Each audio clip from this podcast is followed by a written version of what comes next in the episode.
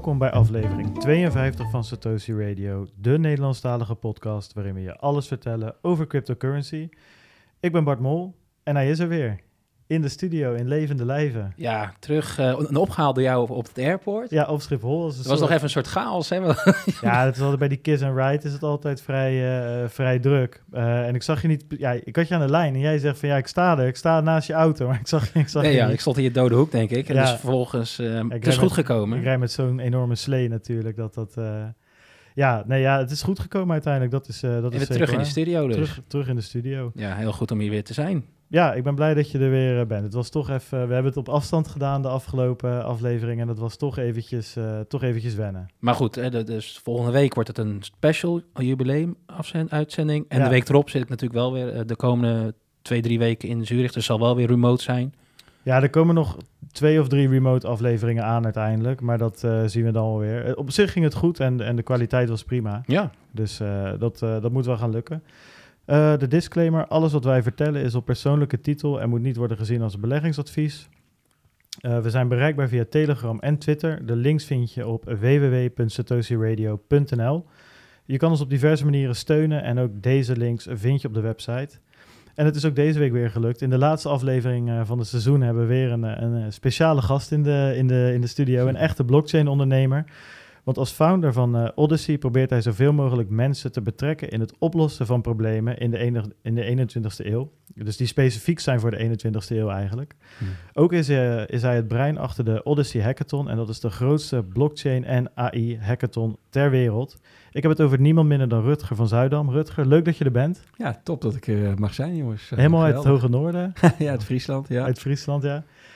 Ja, uh, ben, ben je, moest je nog wat anders doen hier in Amsterdam? Of ben je van Friesland hier naartoe gekomen? Nou, ik, ik, ik, vanochtend ben ik wel van Friesland hier naartoe gekomen. Maar ik heb eerst uh, de Provada aangedaan. Vastgoedbeurs in de RAI. Ja. En daar hebben we samen met uh, Vibre, dat is een, ja, een real estate blockchain netwerk... Um, twee oplossingen gepresenteerd aan uh, ja, vastgoedpubliek, zeg maar. Ja. Uh, samen met Kadaster, want uh, dat was degene die de challenge had ingebracht, een van de 20 challenges.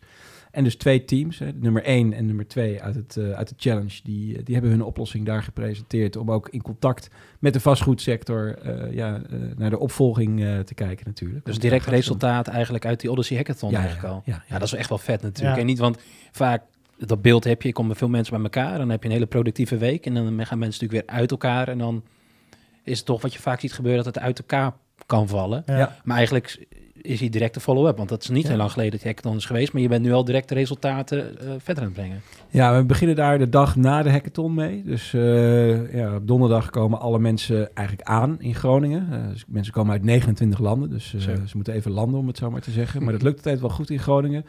We hebben dan ook altijd allemaal masterclasses, want er lopen zoveel experts rond. Er komen 1500 mensen. Dus eh, heel veel masterclasses. En s'avonds natuurlijk een feest, want dan moet je altijd gewoon de eerste avond mee beginnen. Zeker in Groningen. Eh, geen sluitingstijden. Misschien eh, hebben jullie dat wel eens meegemaakt. Ja, En ja. dan Ja, ja, zeker. Vrijdag, eh, vrijdag beginnen we eh, de hackathon. Eh, nou, om 12 uur openen we. Dat snap ik dat dat 12 eh, uur is dan. Precies, in de middag. Beetje slack in de morning. Maar dan kun je ook weer heel mooi om 12 uur eh, op zondag kun je, kun je stop eh, met code, zeg maar. En dan kun je smiddags het jureringsproces doen. Wat ook uitdagend is om met ja, van 100 hè, eh, teams naar 20 winnaars te gaan. En dan op maandag gaan we met die winnaars en eigenlijk de, de klanten van en stakeholders van de, de partijen die een challenge inbrengen. Dus het zijn corporates, overheidspartijen. eh, dit jaar ook een NGO eh, gehad. En dan, dan zit je eigenlijk direct om de tafel, zodat je met, met het winnende team en het prototype in de hand, wat net letterlijk één dag oud is, direct te praten over wat de best mogelijke follow-up zou zijn. Ja. En dan, dan zet je dat eigenlijk direct in gang. En dan hebben wij een, eh, een echt een, een, een acceleratieprogramma of, een- of een incubatieprogramma, zoals je dat wil noemen, eh, om, eh, om het ecosysteem van, het, van die oplossing dan ook eh, te laten groeien, te ontwikkelen. Eh, ik zeg altijd maar zo, eh, ecosystem development is business development voor ecosystems, eh, voor samenwerkingsverbanden. En, da en dat is waar we nu mee- middenin zitten met die teams. Wat tof zeg. Ja. Echt tof. Want wanneer was de, de hackathon? Want jij zegt inderdaad niet zo lang terug, maar even specifiek. Eh 12 tot en met eh 15 eh, april. Dus Ja, eh, die donderdag was 11 april. Ja. Ja, dus zitten we de twee maandjes eh, terug. Het is inderdaad vrij, eh, vrij recent. Nee, tof om te zien dat er direct al eh, eh, wat mee gebeurt inderdaad. Mhm. Dat is eh, wat Wijnand zegt. Je ziet inderdaad vaak met sprints die georganiseerd worden... of innovatieweken of whatever eh, bij bedrijven... dat dat een hele leuke, gezellige week is. Goede ideeën, maar dat de follow- follow-up een beetje eh, ontbreekt. Ja. Dus dat, eh, dat is tof om het hier wel te zien. Eh, daar duiken we nog veel dieper op in, Zeker denk ik, eh, straks. We gaan Mhm. eerst eh, de, de, de stellingen op je afvuren. Mhm. Eh, de eerste, Satoshi of Vitalik? Satoshi. Skiën. Maar Oh, oh wacht. Oh, oh, oh, oh, oh, oh. Je, hebt het, je hebt niet uitgelegd, eh, Bart. Wat is dit? Ja, je ik, moet- ik denk... je we- mag maar één kiezen. Nee, ja, Ja. We, we doen altijd kiezen er eentje. Ja? aan het einde maar aan het einde je- kun je terugkomen op degene waar je zegt... daar wil ik nog even graag Oh, iets extra over ja, vertellen. ja. Dus we, we kappen hem even af voor nu. Ja, ja, helemaal goed. We gaan zo dat door. Dus deze is skiën of zeilen. Holy moly. Ja, Ja, ja. ik ben heel diep die Facebook profiel ingedoken hoor. Ja, dit- Oh jongens, die is wel moeilijk. Ik denk toch skiën. Oei, oei, oei. Oeh, dat zullen ze in Friesland Dat- niet in dank afnemen. dat wordt ik. heel lastig thuiskomen. Want als het goed is, komt hij vanavond live. Dus Ja, Heel leuk, ja, ja, ja. Je moet kiezen. Permissioned of public? Public. Friesland of Groningen? Groningen. Twitter of Telegram? Twitter. AI of blockchain? Hmm. Blockchain. Oké, en dan mag je nu inderdaad eh, eh, je wat verder uitweiden over, over de stellingen. Ja, ik vind ze heel goed gevonden. Ehm, nou, ik moet... Kijk, eh, natuurlijk Sa- Satoshi. Ja, Ehm, maar ik denk dat, dat als je kijkt naar de inspiratie eh, die iemand als Vitalik eh, de hele eh, scene heeft kunnen geven, ja, dan is dat, dan is dat buitengewoon indrukwekkend. En zo, zou ik die hele scene eigenlijk me niet kunnen voorstellen zonder hem. ja. Dus, dus daar waardeer ik hem zeer voor. En, en, en ik denk ook dat, ja, dat, dat, we, dat we nog lang niet alles van hem hebben gezien. Eh, maar hij is, hij, hij- ja, hij is zich ook aan het ontwikkelen. Dus eh, ja, ik ben heel benieuwd wat, eh, wat er nog uitkomt. Maar dat, ja, daar heb ik veel, veel respect en waardering voor. Maar toch zeg je heel nadrukkelijk direct Satoshi. Ja. Echt, Ja. echt Ja, kijk, laten we wel wezen. De, de- ik weet nog goed, de, de eerste eh, Bitcoin-conferentie die door Mo Levin hier in Amsterdam in, eh, de, aan de Rozengracht eh, werd georganiseerd. Ehm, daar liepen drie pakken rond en daar was ik er één van. Eh, daar, daar was Vitalik ook. En die verkocht toen nog eh, Bitcoin magazines, gewoon de printversie. Daar heb ik er drie van in folie, nooit gelezen. Eh, niet te koop. En, en, en, en die mocht in de pauze presenteren. En die had echt een enorm krankzinnig verhaal over quantum mining.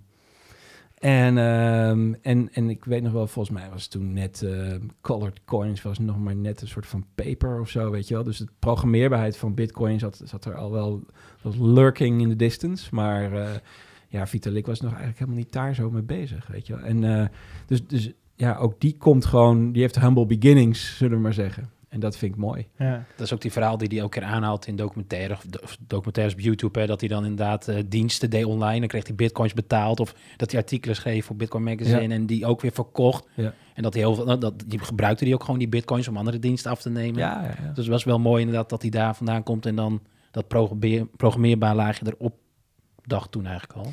Ja, eh, en, en eh, nou ja, de, de vraag is eh, natuurlijk uiteindelijk van alles wat Ethereum beoogt, zou dat niet ook gewoon op Bitcoin kunnen? Ehm, en daar moeten we nog achter komen. Ik heb altijd. er is altijd zijn een aantal, flink aantal haren op mijn hoofd die dat nog steeds niet uitsluiten.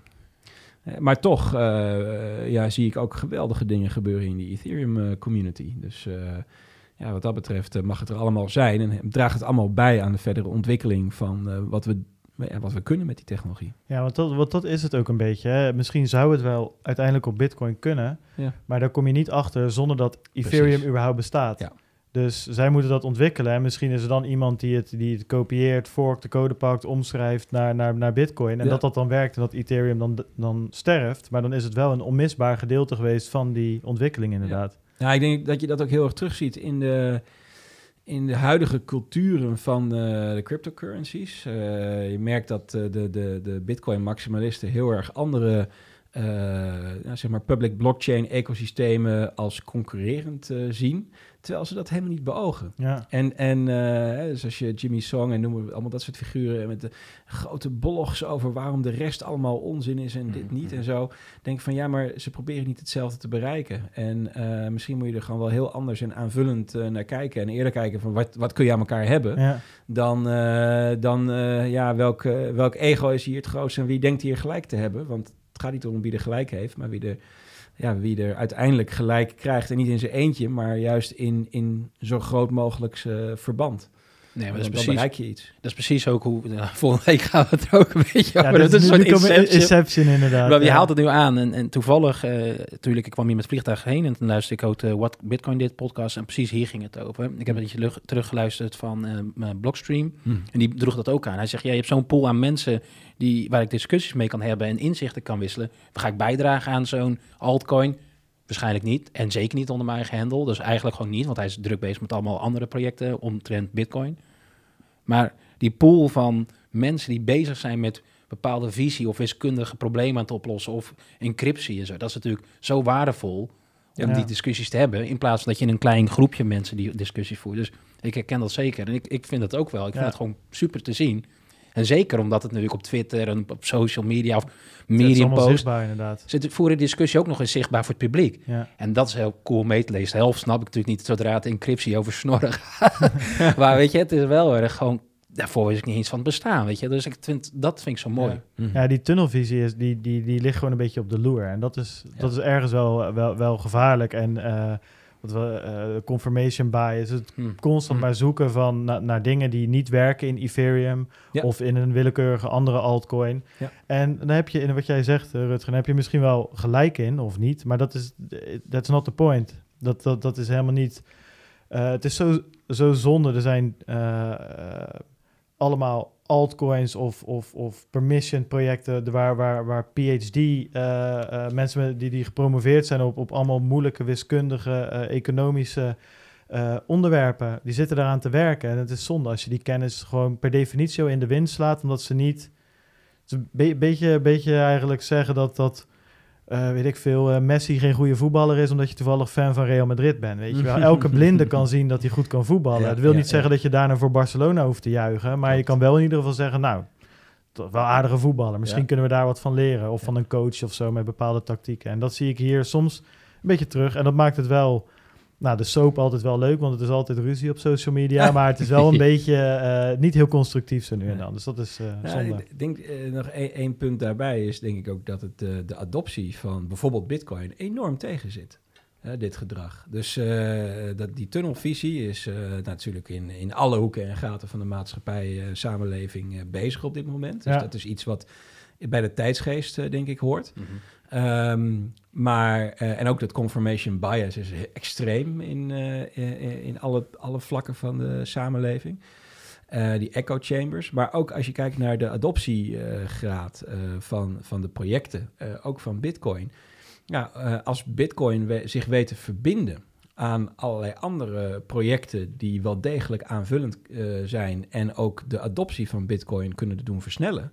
Ja, dan schiet je jezelf keihard in de voet als je daar niet toe in staat bent. En wat we dus eigenlijk zien, is dat, dat Bitcoin nog een beetje last heeft van wat in de vorige eeuw goed werkte. Namelijk ehm, het, eh, eh, ja, zeg maar, eh, het IQ zo hoog mogelijk opvoeren. maar het EQ helemaal vergeten. En het, gaat, het gaat dus over op welke manier is een, is een community en zijn mensen in staat om eh, ja, zich aan elkaar te verbinden, zich met elkaar te verhouden, met elkaar samen te werken. En, en, en daar zal uiteindelijk die, die verdere adoptie ook van, eh, van afhangen. Eh, want uiteindelijk zijn het allemaal ecosysteemontwikkelingen die, die plaatsvinden. En dat, Ja. is- ja, dat heeft dus allemaal met community building te maken. Dus überhaupt dat die, die discussie plaatsvindt over ja, de toxic elements van een, van een community. Ja, laat heel duidelijk zien dat heel veel mensen alleen maar naar de technologie eh, kijken. In plaats van ook naar het culturele, menselijke aspect. Terwijl dat nou juist hetgene is wat ook bepaalt waar we die technologie voor inzetten. Ja. Ehm, en dus ook wanneer eh, de adoptie door gaat breken. Ja, helemaal eens. En ik denk ook wat daar nog eens bij komt, dat mensen erg prijsgedreven zijn in die communities. Hè? Dus inderdaad van, dat je een war ziet op basis van prijs, dat dat de Oh, argumentatie begint te worden. Hè? Dus ja, mijn muntje is meer waard dan deze. En daar derhalve is die beter. Ja. En dat hoeft natuurlijk helemaal niet waar te zijn. Nee, en zeker niet met de adoptie of de ma- mainstream maken of het Nee. community bouwen. Eh, en ik denk dat er heel veel van dit soort ecosystemen naast elkaar kunnen bestaan. En welke geen bestaansrecht hebben, die zullen we ook langzaam zien verdwijnen. Mhm. En, en, en, en hoe dat dan later tot integreert. En ik, ik geloof heel erg sterk in die bit, Bitcoin case. Hè, dus als een soort store of value. Hè, dus dat het daar heel goed kan dienen. En misschien zelfs dat het een exchange of value kan zijn. Ja, dat, ja. Heel erg prima. Maar dat wil helemaal niet zeggen dat een Ethereum of een Stellar of, of een IOTA of een Litecoin, weet ik veel, dat die niet een bestaan op zichzelf hebben. Precies. Ja, ja en, en, en het is ook helemaal niemand zijn plek om daar... Ja, misschien het is iedereen zijn plek om er wat te vinden, maar ook zeker weten. tegelijker- Niks waard, hè, die tege- mening, ja. tegelijkertijd niemand zijn plek om er wat van, van te vinden. En wat we, waar we het ook vaker over gehad hebben, dat het... Ja, het, het gaat vaak over... over nou, bijna eh, mensen ontlenen ergens ook een beetje hun identiteit aan, eh, Oh ja. aan, aan, aan, aan projecten. Eh, en dat kan zijn om, om, om, om, omdat je het voor eh, eh, 2 euro per token gekocht hebt en het is nu nog 3 cent waard. Weet je, dat je zo, zo diep erin zit. Backholders. Maar bij, bij Bitcoin zit er natuurlijk een, een, een beetje anarchistische eh, gedachte achter en een beetje tegen het establishment. En ehm, ja, als daar, daar dan andere mensen mee te, eh, ja, vandoor gaan eigenlijk op een bepaalde manier, ja, dan worden Mhm. mensen boos. En, Mhm. en ik, Mhm. ik heb persoonlijk zoiets, ik kan het heel goed begrijpen. Ik heb zelfs zoiets van, ja, laat het, laat het lekker, Tuurlijk. laat het gaan. Ja. Maar het is niet nieuw. Nee. Weet je, als ik morgen een voetbalclub opricht die, die Feyenoord FC heet en ik vestig hem in Amsterdam, ja, dan worden er heel veel mensen in Rotterdam boos. Waar ik ook zoiets heb van, laat het gaan. Maar dat zie je nu ook met, met Bitcoin Cash, dat soort dingen. Dat Oh gaat eigenlijk helemaal niet eens om de technologie of whatever. Dat is gewoon iemand die ja, er vandoor gaat met, met de Bitcoin-identiteit. En daar dingen over zegt die niet in lijn liggen met die identiteit. Waarvoor mensen zich heel erg, ja, eigenlijk aangevallen voelen. Mhm. Ja, nee, ik heb zoiets van, ja, la- laat hem lekker gaan, die Craig Wright, weet je. Maar heel veel mensen hebben dat niet. Maar je hebt ook met zingen, sommige mensen willen misschien ook helemaal niet dat het mainstream wordt. Hè? Ja, ik, ik voel dat, eens, ja. weet je, ik had pas iemand die zei dat over Formule 1. Dat is natuurlijk zo'n hype nu door, eh, door Verstappen. Het komt naar Nederland en opeens iedereen is Formule 1 fan. Weet je, mensen Ja. die nog niet weten wat, weet ik veel, of, of, of die over lucht of, of diesel of benzine in die motoren gaat. maakt- Ze Zand. weten er niks van. Zand. zand. ik zeg altijd of de lucht of zand in een bal zit. Ik wou hem nu op die auto proberen te betrekken. Maar dat, ik voel dat zelf ook een beetje. Ik ben echt al, al, al tien jaar of zo een enorme UFC-fan. En zodra nu wordt het opeens geërd op Veronica. Dan zie ik opeens Nederlandse verslaggevers gaan er, eh, gaan er een beetje over praten. En dan gaan commercials maken. Dan denk ik ook van, ja, ze zit een beetje aan mijn dingetje, mijn identiteit, mijn niche. Oh jee. En ik, dat gevoel kan me best voorstellen. Dus Mm. dat dat best wel lastig kan zijn als jij mensen gaan ermee aan de haal. Ze gaan het commercieel maken, ze gaan de identiteit aanpassen. Het is niet meer Joe Rogan die zit te schreeuwen. En ik, ik voel dat, het is een heel ander gebied. Het heeft Nee, helemaal maar niks het is crypto, precies maar hetzelfde het gevoel. En, en dan kan je twee, twee dingen doen. Dat gevoel, dat overkomt je. Daar kan je, daar kan je niks aan doen. Weet je, dat, dat werkt gewoon zo. Alleen je kan het wel soort van identificeren op het moment Mhm. dat het je overkomt. En dan beslissen van, oké, ik laat het gaan, want ik kan er toch niks aan doen. Exact. Of ik ga nu op Twitter en ik ga me er heel erg druk om, druk, ja, ja. druk om maken. En, en ik laat eigenlijk een soort van externe factor mijn leven beïnvloeden. En ehm, ja, dat, dat is heel moeilijk, maar... Ja, het is natuurlijk ook heel, eh, het is een beetje eh, tegen het hypocriete aan, hè? Want aan de ene kant is van ja, Bitcoin antifragiel, en als je dan zelf kijkt eh, naar echt die, eh, die maximalisten, die zijn zo stug als maar kan. En ik kan het weten, ik kom uit eh, het noorden. Ja. Hè, maar eh, ja, dan denk ik van ja, god, eh, lekker antifragiel, eh, jongen, weet je wel. Dus nou, ik denk dat, dat dat soort lui, die hebben er helemaal geen invloed op. Want, want eh, mensen hebben gewoon behoefte om, eh, om oplossingen te ontwikkelen die relevantie hebben in de samenleving. Ja. En die gaan daarvoor technologie gebruiken met of zonder die mensen die nu dik in eh, bitcoin zeggen te zitten. Ehm, dus ja, eh, ik denk dat het allemaal wel, eh, wel, wel losloopt wat dat betreft. Het is wel interessant wat je zegt, hè? want zijn de, de community of die, die, die maximalisten zelf zijn dan misschien niet antifragiel, maar is Bitcoin als netwerk, is dat, zeg maar, Bitcoin als protocol of hoe dat dan werkt, zie je dat wel als antifragiel? So far, so good, ja. Ja, want dat is natuurlijk, eh dat is wel, ja, het is ook toevallig maar omdat ik dat boek eh, drie weken eh, geleden gelezen heb, maar het is wel grappig, natuurlijk antifragiel is, is iets wat sterker wordt als je er tegenaan trapt, zeg maar. Dus Yes. niet alleen dat het intact blijft, maar het wordt echt daadwerkelijk ja, sterker. Het groeit verder.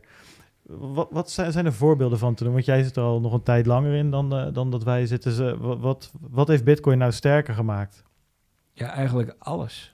Dus tot nu toe in de hele ontwikkeling heeft elke maatregel die iets zou moeten doen om te beteugelen, het alleen maar versterkt. Ja, Maar het mooie is natuurlijk ook, eh, en eh, Andreas Antonopoulos heeft het ook wel vaker heel mooi eh, uitgelegd in lezingen, dat het is een, een, een kind wat buiten speelt en, en in principe aan alle eh, gevaren van buitenspelen wordt blootgesteld. Hè. Dus kijk, het leuke is, de, we doen heel veel zaken met bedrijfsleven en overheid, overheidsinstellingen. En die hebben natuurlijk al hun servers achter firewalls eh, zitten. En die hebben daarmee een illusie dat het veilig is.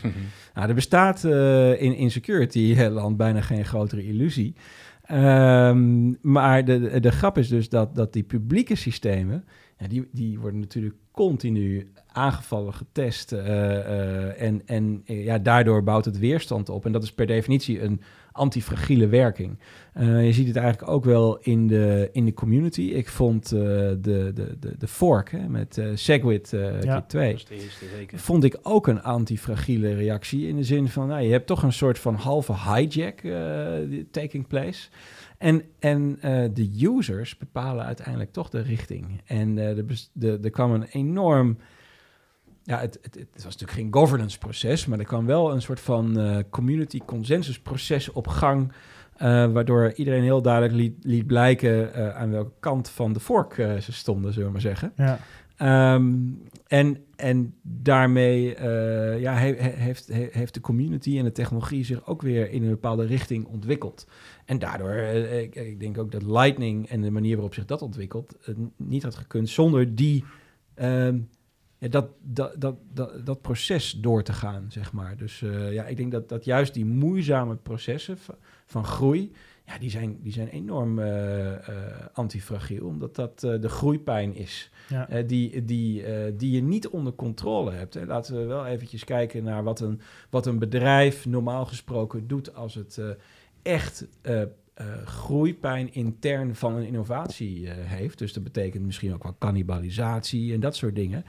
Ja, dan, dan heb je het over hoe moeilijk innoveren is binnen de context van een, van een bedrijf. En dan ja, zie je toch wel dat, dat je in de publieke setting misschien wel, eh, wel sterker vooruitkomt, Ja. zeg maar. Eigenlijk als je het nu op nu betrekt, is toch Greg Wright, wat hij, hoe hij zich in, de, in, deze, in deze scene aan het acteren is en hoe hij zich gedraagt, dat is toch zijn invloed op de core, eigenlijk Bitcoin core, is toch dan op deze manier te interpreteren. Hij maakt het juist toch sterker en meer community van, eh, laat deze idioot dan lekker zijn gang gaan. Ja. En wij gaan, we gaan vooruit, we gaan dit implementeren, we gaan dat doen en, en dat soort zaken. Of zie je dat dan anders? Ja, wij, wij merken eigenlijk eh, in, in, in dit soort ecosystemen zie je gewoon dat, dat mensen die op, op ego eh, varen, dat die eh, ja, de, aan het kortste eind trekken wat dat betreft. En dus die andere, de open community, die, die meer op hyper collaboration zit, Mhm. Ja, dat die daardoor veel meer eh, kracht eh, krijgt. Ja. Ja, kijk, wat ook een beetje het lastig is in het hele antifragiele, weet je, dat, het, eh, dat je pas weet of iets antifragiel is of stuk gaat, als je er met een, met een moker op geslagen hebt, of met een hamer. Dus ja, dat, dat is ook waar, waarvoor die bedrijven waarschijnlijk het nog achter een, een, een systeem achter een firewall zetten. Van ja, je kan het proberen out in die open te doen, maar misschien wordt het wel echt kapot gemaakt en eh, kom je er niet meer bovenop. Ja. En dat is een beetje de gok eh, die je van tevoren, eh, denk, ik, denk ik, neemt. We zijn er best wel al diep ingedoken. Ik wil toch Hm. nog even terug op een andere stelling. Want skiën of zeilen, Ja. daar, daar had je nog veel meer moeite mee dan, dan met die andere dingen. Ja. Ik vind zeilen gewoon onge- ongelooflijk eh, gaaf om te doen. Ja, Ehm, ik denk dat ik het, eh, het zeilen op zee vind ik nog, nog het vetst. ja, En, maar ehm, ja, daar kom ik minder aan toe. En dus ja, en skiën vind ik heel leuk. Ook, ja, dat kun je met heel veel mensen doen. Ja. En, zeilen op zich ook wel, maar... nou zal ja, wat meer werken. Daarom vond ik het ook wel een lastige, lastige keuze. Ja, moet je heel hard werken voor het skiën? Nee, zeilen bedoel Oh, ik. zeilen. Ja, ja. Zeilen, ja, nee, heb eh, eh, Nou, ik ski ook hoor. Ja, ja. ik weet niet zo Nou, goed. Ik, moet, ik, ik, ik ook niet hoor. Nee, eh, ik ski ook nog niet zo heel lang. Maar nee, en het zeilen, dat, dat vind ik eh, moeilijker. ja. Eh, en daarmee ook wel heel interessant. Maar dan moet je ook weer een soort van nieuwe taal leren en, eh, en dergelijke. Je, eh, je moet op hele andere dingen letten als je dat niet eh, gewend bent. Maar ik vind beide gewoon eh, extreem, extreem mooi. Ja, ik weet één keer, ehm, toen was ik in Friesland op vakantie met mijn ouders of zo. Ik weet niet hoe oud ik was, 14 of zo, 15 misschien. Toen gingen we zeilen. Ik had er al geen zin in. Met mijn, met mijn pa en met mijn broertje en met zo'n instructeur. Toen gingen we volgens mij het IJsselmeer op of zo. En er brak echt een storm uit, jongen. Net als, net als gisteren zo ongeveer. Paniek. Ja, nou, maar dat is helemaal niet leuk. Want het was Nee. zo'n mega klein, eh, klein, klein rotbootje. En eh, toen moesten we nog terug. En op een gegeven moment zag je ook een beetje die paniek bij die, bij die leraar, zeg maar. Dus dan weet je al, weet je, als de stewardess een beetje begint eh, te, te zweten, Ja, dan... Ja, eh, ja. Dus dat was voor mij... eh, voor mij hebben we nog wel een keer met werk een keer op zijn boot gezeten. Tot iedereen een kater. Dus toen, Nee, maar mochten die mijn eerste zelf, eh, zelfervaring was compleet windstil. Nou, dat is ook niks, ik je vertellen. Dan ga je met, dat motorbo met zo'n motortje heb je dan bij en dan ga je dan heel rustig doorheen. Ja, Dat is ook niet zo heel leuk. nee, nee, ja, precies. Wij hebben minder ervaring. Misschien moeten we het nog een keer Een proberen. keertje mee. eh. Ja. Nou, Ehm, die zijn van harte welkom in, eh, in Friesland. Hoor. ik denk Ja. dat je weinig aan ons hebt qua, dan moet je, dan moet je, qua Kunnen bemanning. Ja, Kunnen heel leuk. misgaan. Hm, Misschien, misschien kunnen we de radio eh, bedienen en, eh, en contact houden met de haven. Breakie, breakie, ja. Inmiddels een heel mengpaneel, dus ik kan er helemaal mee, om, eh, mee omgaan. Ehm, even kijken, ja, we gaan toch nog even het nieuws Mhm. van de week eh, Zeker behandelen. Eh marktupdate hebben we natuurlijk, dus, er zijn wat dingetjes gebeurd. En daarna gaan we verder praten over, over de Odyssey Hackathon. Ehm, ja, de Podcast Awards, dat gaan we natuurlijk wel even behandelen. Eh, kan niet meer gestemd worden, dat is, eh, dat is allemaal dicht. Dus iedereen die dat gedaan heeft, eh, enorm bedankt daarvoor. En ja, vanavond, Wijnand, gaan wij, ja, gaan wij of wel of niet met een stukje, stukje glas naar huis. Toch? Ja, dat, dat ding gaat mee. Wat Ja, is het ja, nou oké. voor twijfel? Ja, wat is dat voor twijfel? Ik probeer dat eventjes. eh, jij zit straks weer huilend eh, in de auto op de terugweg daar. Maar eh, nee, we gaan het zien. Maar het is hartstikke leuk dat we genomineerd zijn. Iedereen bedankt voor het stemmen. Dat is best wel weer wat... eh, eh, Volgens mij uh, streamen, streamen is het ook live of niet? Volgens mij vorig jaar wel, maar dat weet ik niet zeker meer. Maar Ja. goed, dan, uh, ja, dan er kun een je ons... podcast eh, van gemaakt. als je zin hebt om een paar uur van je tijd te verdoen, dan zou ik, zou ik vooral gaan kijken. nee, je hebt een speech voorbereid. ik heb een speech. Ik, het is niet gelukt om, om mijn smoking weer te passen. Ik heb het, eh, ik heb het geprobeerd, maar eh, misschien volgend jaar. Ehm, even kijken, ja, nou, er was wel een leuk nieuwtje eh, van de week. Eh, die zag ik net na de aflevering van vorige week ergens langskomen. En dat is dat Justin Sun, de, de baas bij, bij, bij Tron en dus ook bij BitTorrent inmiddels... die kwam op een gegeven moment van, joh, ik heb mor- zei hij op Twitter, ik heb morgen een enorme aankondiging. En de volgende dag, daar kwam die. En nou, hij gaat nu, heeft een lunch gekocht met Warren Buffett, die enorme, ja, durf-investeerder, of hoe je het wil noemen. Die altijd ook een beetje tegen Bitcoin was. En voor mij trekt hij nu een beetje bij. Maar volgens mij had hij genoemd dat iets Bitcoin is red poison of zo. Had hij Ja, mij ja, een keer gezegd. Ja, ja, heel lang geleden toch? klopt. Eh, nou ja, eh, maximaal 10 oh, waarschijnlijk. ja. Ehm, en eh, nou, daar heeft hij dus 4,5 miljoen dollar voor betaald. Maar hij mag wel zeven vriendjes meenemen naar het, naar het kinderfeestje. En ja, dan gaan ze lunchen met Warren, met Warren Buffett. En ehm, dat geld gaat naar een goed doel, naar de Glide Foundation. En die vechten tegen het onrecht, eh, stond erbij. Ja, wie zou jij, als jij nou, nou eh, zeven anderen mee zou mogen nemen, Rutger, wie zouden dat, eh, wie zouden dat zijn? Naar Warren Buffett? Ja, Mhm, mhm. Poeh. Nou, ik... ik eh, en mag iedereen zijn? ja, maar voor mij Ga los. Je ouders. Mag Op het internet ja. zie je trouwens nee. op Twitter continu dit lijstje langskomen. Ja, hè? ja, dus precies. Daarom, eh, vroeg ik hem inderdaad, ja. Ja, nou, ik, ik, denk... oh, een goede vraag. Ehm, nou, ik, ik- wat ik... eh, en dat is ook onderdeel van eh, het nieuws van afgelopen week... is dat eh Startup Delta een vervolg krijgt hè, met TechLeap eh, NL.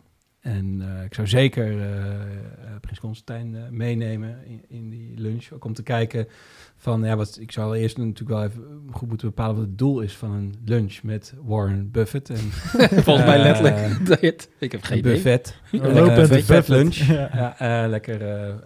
nee, maar weet je, ik, ik denk, ik, ik zou wel heel graag eh, wat meer wi- wi- willen vertellen. En ook wel ja, met hem in gesprek willen over wat, wat, eh, wat de kansen zijn om in Nederland eh, te Ja. innoveren. Maar volgens mij kijkt hij daar niet zo naar. Hij was Eh, toch altijd van de blue chips? Dat was toch zijn, zijn ding? Bestaande grote bedrijven. Ja, dat, absoluut. ja. Coca-Cola en dat soort dingen, dat vindt hij Voor mij interessant. ze hè. zich ook Dus- helemaal dood aan Coca-Cola. Maar dat Het is, het Nou is ja. denk ik leuker om met hem te praten over wat de, de invloeden zijn van deze nieuwe technologie op zijn belangen. Dan hem eh, proberen te overtuigen dat die technologie het nou helemaal gaat worden. ja. Dus da daar, zit- daar, zit ik, daar zou ik dan meer op zitten. En ik zou dan ook eh, mensen mee, mee aan tafel nemen die hem dat uit eerste hand kunnen vertellen. Hè, dus eh, ik denk, en, eh, nou, als je kijkt naar gewoon de partners van, eh, die meedoen in Odyssey bijvoorbeeld. Ja. Hè, dus er zitten bij de, overheidsorganisaties, ministeries, maar ook een, een Nuon Vattenfall of een KLM of een Nutreco, een verzekeraar, TVM. Nou, dat, dat zijn volgens mij verhalen die hij begrijpt. Ja. En, en dan, eh, dan kun je denk ik wel een leuk eh, gesprek eh, voeren. En dan gaat het veel meer over technologie dan over een muntje. Ja. En ik denk dat hij daar ook nog steeds door, eh, door verward is. En ik denk, ja, eh, dat, dat, dus dat zou ik doen. Ja. Wie, z- en wie zou jij meenemen, Wijnand? Oeh, nou jou natuurlijk. Ja, thanks. Leuk. En daar denk ik mee op. Nou ja, ik, ik denk dat dit inderdaad meer op de Nederlandse markt is, wat jij Ja. zegt. Maar ik zou het ook prachtig vinden om juist zo'n Vitalik of zo, die op zo'n niveau zit, eens even daar, gewoon om, om die confusion. Jij zit meer vanuit inderdaad de, de oplossingen, wat kan gaan brengen. Maar ik zou hem ook Mhm. wel dan een tegenovergestelde keer willen zien gebeuren. Juist iemand die zo high level bezig is met decentralized exchanges en plasma en, en proof of stake. En dan zien wat daar gebeurt. Dus hij heeft een heel ander doel. Mhm. Jouw doel is veel nobeler. Maar ik denk wel dat, dat lijkt me ook wel een keer Ja. mooi om te zien. Maar vuurwerk, ja. Ehm, online zie je overigens continu lijstjes verschijnen van je moet die, die meenemen. maar maar, dat hij heeft nog niet dus- verteld wie die doet, hè? Nee, maar ik vond het wel weer grappig, want dit is weer een, het, het heeft alweer een beetje een insteek waarvan ik, al, waarvan ik denk van, ik vind het wel grappig hoor. Ik, ik kan dit soort, dit soort, dit soort eh, eh, onzin wel waarderen dat iemand 4,5 miljoen betaalt. Eigenlijk gewoon een poll te kapen, een stemming te kapen. Want dat is nou, natuurlijk wel het nieuws, is. want eh dat zag ik ook voorbij komen. Dit wordt gepost op allerlei grote nieuwswebsites. Ja, precies. Ja, En binnen heel veel tijd, dit krijgt heel veel airtime en heel veel kliks. Ja. Ja. Dus Wij hebben vanuit, het er ook over. exact, en het valt gewoon overal op. Dus Ja, vanuit, Dus wat dat betreft branding is, is het, slim. is het wel slim. En dat is typisch Ja. iets wat hij ook, wat die Justin Sun zou doen. Alleen ik vind het grappig dat alle best wel ook eens wat serieuzere Twitter-accounts eh, van die lijstjes lopen te sturen.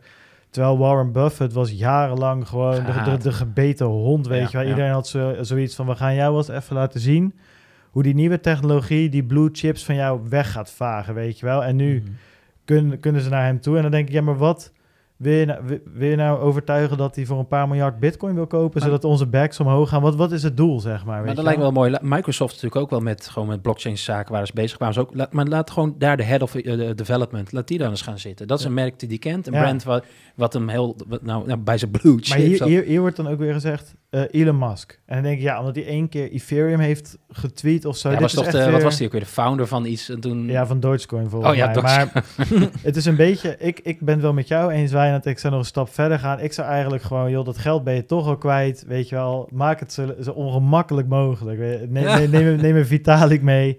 Eh, ja, weet ik veel. Neem, neem, ja, ik weet, ik weet niet. maar ik zou ook- als ik, ik wel ik zou mijn moeder meenemen. Maar gewoon, weet je, heb je toch een mooi verhaal. Wat, wat wil je nou bereiken hier? Nou, niks. gozer? Maar als je inderdaad van een mo- nobel streven uitgaat, tuur de meeste bijvoorbeeld. Dat soort me- mensen met ook bepaalde Ja, visie. en dan, en dan zit er zo'n oude vent. I know, I know. die voor Je zijn gaat er- vrouwtje, omdat die, die vrouw die runt die charity. Dus Ja. heeft zoiets, nou oké, één keer in het jaar organiseert hij dit, zodat zij niet zo loopt te mekkeren of zo. en, en, en dan ga je er zitten en zit je met zo'n oude vent, die, die er volgens mij helemaal geen zin in heeft. Nee, lekker te smikkelen. En dan Ja. heb je al die, die, die, die toppers uit, uit de community, die maken er tijd voor. Ja, ik, zie het, ik, zie, ik zie het nut niet echt in, weet je wel. Ga gewoon lekker verder en met mensen te informeren die er wel zin in hebben. Ehm, en ik vind het ook een beetje een zwaktebod. Weet je, hou ook een beetje je eigen zelfrespect. Als je jarenlang er tegenin bent gegaan en nu krijg je de kans... en dan ga je opeens met z'n allen aan tafel zitten. Het is wel grappig dat die Justin het doet natuurlijk. Want die heeft ook met die eh, Tesla giveaways en al die gekke fratsen die hij doet. Weet je, de, uh, ja, Bitcoin het is, eh, giveaways. grappig om te zien inderdaad. hij is natuurlijk heel zeker. marketing driven. Weet je wel, die eh, Warren Buffett, ik had het even opgezocht, die doet het al sinds 2000. nummer- eh, 2000. De eerste diner was ooit verkocht voor 25.000 dollar. Hm. Vorig jaar ongeveer 3,5. En dus nu 4,6, 4,5 miljoen dollar. Eh, dus eh, het is een eh, goede stijgende trend. eh. Ja. Maar hij doet het dus al wel bijna 20 jaar. En als het inderdaad voor een goed doel is. Eerst dacht ik van, oké, is dit nou paid commercial? Maar het, is ook, het heeft wel iets. Ja, het is prima, het gaat naar een goed doel, weet je wel. dus, Dus, als, prima, als dat toch omgezet wordt naar geld voor een goed doel... dan hoor je mij niet klagen erover. Dat is wel goed, hè, toch? Ja, precies, weet je. Dus dat eh, is prima. Ik zit even te kijken wanneer die getrouwd is met deze vrouw. Want het zou me niks verbazen als het ook tien jaar geleden was. maar goed. ehm, ik weet niet hoe ze... nou ja, omdat dat- hij toen begonnen is met dat, zitten, hè? eh, op dat, Oh. met dat dinertje. nou ja, kijk, weet je, als investeerder zeker. Ik heb wel eens eh, voor mij een boek van hem gelezen. Het hele blue chip verhaal. Er zit echt wel wat in. Alleen ik snap niet zo goed dat je als community in één keer je hele zelfrespect overboord gaat, gooit dat. om daar een beetje bij Dat die gozer aan tafel te schuiven. Maar goed. Ehm, de SEC zagen we ook eh, deze week Mm. eh, eh, weer, weer, weer weer losgaan. Ehm, over een ICO uit 2017. Nou weet ik niet helemaal het, het, het, het, het, eh, de, de, de details ervan. Maar in ieder geval komt het erop neer dat ze dus een, een lawsuit eh, aan hun broek hebben. En het gaat over Kik. Mhm. En die hadden een kind-token. En dat hebben ze in een ICO verkocht voor mij 100 miljoen of zo, 50 Ziek, hè? miljoen in, eh, in 2017. En de SEC zegt nu dat is dus een, een eh, eh, ongeregistreerde securities eh, eh, sale. Dus eigenlijk een soort van IPO-achtig idee zonder eh, aan alle voorwaarden te voldoen. Ja, en nu eh, zijn ze met elkaar in gevecht. En volgens mij dat Kik is nu ook op zoek naar eh, een soort crowdfund aan het doen om het gevecht met de SEC aan te kunnen ja, als je gaan. 100 Gewoon miljoen hebt opgehaald, zou nog wel wat van over moeten zijn, toch? Ja, dat zou je zeggen. Maar ze- de SEC zegt dus ook dat ze al jarenlang verlies maakten en dat ze Ja? eh, overgenomen zouden moeten worden. Eh, en dat lukte niet. En toen hebben ze maar gezegd, laten we een ICO doen. En dat Ja. is volgens mij een beetje waar deze zaak nu op Met een soort draait. winstoogmerk van ja, dit is gegarandeerde winst. Hè? Dat, Ja. dat is ook wat het Ja, is. dat Ja, zij- met veel beloftes. Ja. ja. een loze dus. Ik weet niet eens wat het platform eigenlijk eh, biedt. Nee. nee, dat weet ik ook niet. Ja, volgens mij Zeg was het iets met, ehm, ook iets met tickets of zo. Of iets, of, nou, iets in die richting. Hm. Ik weet het niet precies. Maar Maar dit gaat gewoon veel vaker gebeuren de komende Nou ja, dat is dus een beetje de vraag. Hè. Wanneer is iets dus een security? En zij hebben dus echt gezegd van koop dit en over een jaar is meer waard. Weet Hoe je vaak wel? hebben we dat niet voorbij zien komen? In die, in die gekke bullrun van de ICO's. Dit ja, is maar toch... dat echt ICO's dat uitspraken. De meeste probeerden zich, terwijl iedereen wist dat het niet waar was, maar in ieder geval publiek te verschuilen achter het utility wat hun platform zo, zogenaamd had. Nou, ik weet niet, ik weet wel... Ja, ik weet het beeld wat mij nog bijstaat, misschien onterecht... dat de verschillende advisors zeker wel bepaalde... Ja, nee, ik bedoel maar zo'n eh, zo'n Bellina. Of, eh, ik weet niet eens wat die vent tegenwoordig dat doet, maar... Nog steeds hetzelfde. Die was ook betrokken als advisors. En die kwam dan, ja, de volgende keer 100. Ja, valt dat dan hier ja, zijn onder? club heet uh, heet zelfs keer 100, ja. keer 100 advisors. Nee, zeker valt het eronder. Dus, de, dus die eh, projecten die daarmee in zee zijn gegaan, dat zou ik, ja, dat zou ik niet, ver, eh, niet verbaasd op kijken als zij daar ook eh, eh, gedoe mee krijgen. Ja, ja, we gaan het zien. Maar volgens mij was het ook, ik weet niet precies, want dat kon ik niet terugvinden. Maar ik had het ergens van de week op Twitter gelezen dat dat Kik volgens mij er ook een beetje om gevraagd had of zo. Of die liepen ook een beetje tegen de schenen van de SEC aan te schoppen om de een of andere eh, reden. Maar ik had andere schenen uitgekozen, denk ja, ik. zeker. Dat had ik ook gedaan, inderdaad. Maar dan we gaan zien hoe dat eh, eh, verder afloopt. Jij had ook nog wat, iets, ja, niet echt een crypto-nieuwtje, maar wel iets heel interessants eh, wat voorbij is gekomen. Nou ja, niet zeker. Maar goed, dit is natuurlijk niet te missen geweest. ING, eh, die gaat het weer proberen. Ze hebben het in 2014 al een keer eerder geprobeerd. Ehm, nou, dus je, iedereen heeft daar betaalrekening of spaarrekening. Nou, dat doe je met je betaalpas, je telefoon of whatever. Doe je bepaalde transacties mee. Nou, dat Ja. kan zijn dat ik, eh, weet ik veel, geld lekker, lekker biertje koop in de lokale bar om de hoek. Dat kan allemaal. Ja. Nou, Die data hebben zij natuurlijk gewoon. En die, gaan, die, die moeten ze ook bepaalde, eh als ik bepaalde thresholds overschrijdt, moeten ze gaan screenen vanuit AML, et cetera. Ze, doen, ze hebben die data al ja. maar mogen het niet voor advertentiedoeleinden gebruiken. Nou, in 2014 probeerden ze het.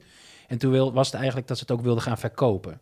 ja, externe adverteerders. Externe ja. adverteerders. Nou, daar zijn ze keihard teruggefloten door de AFM.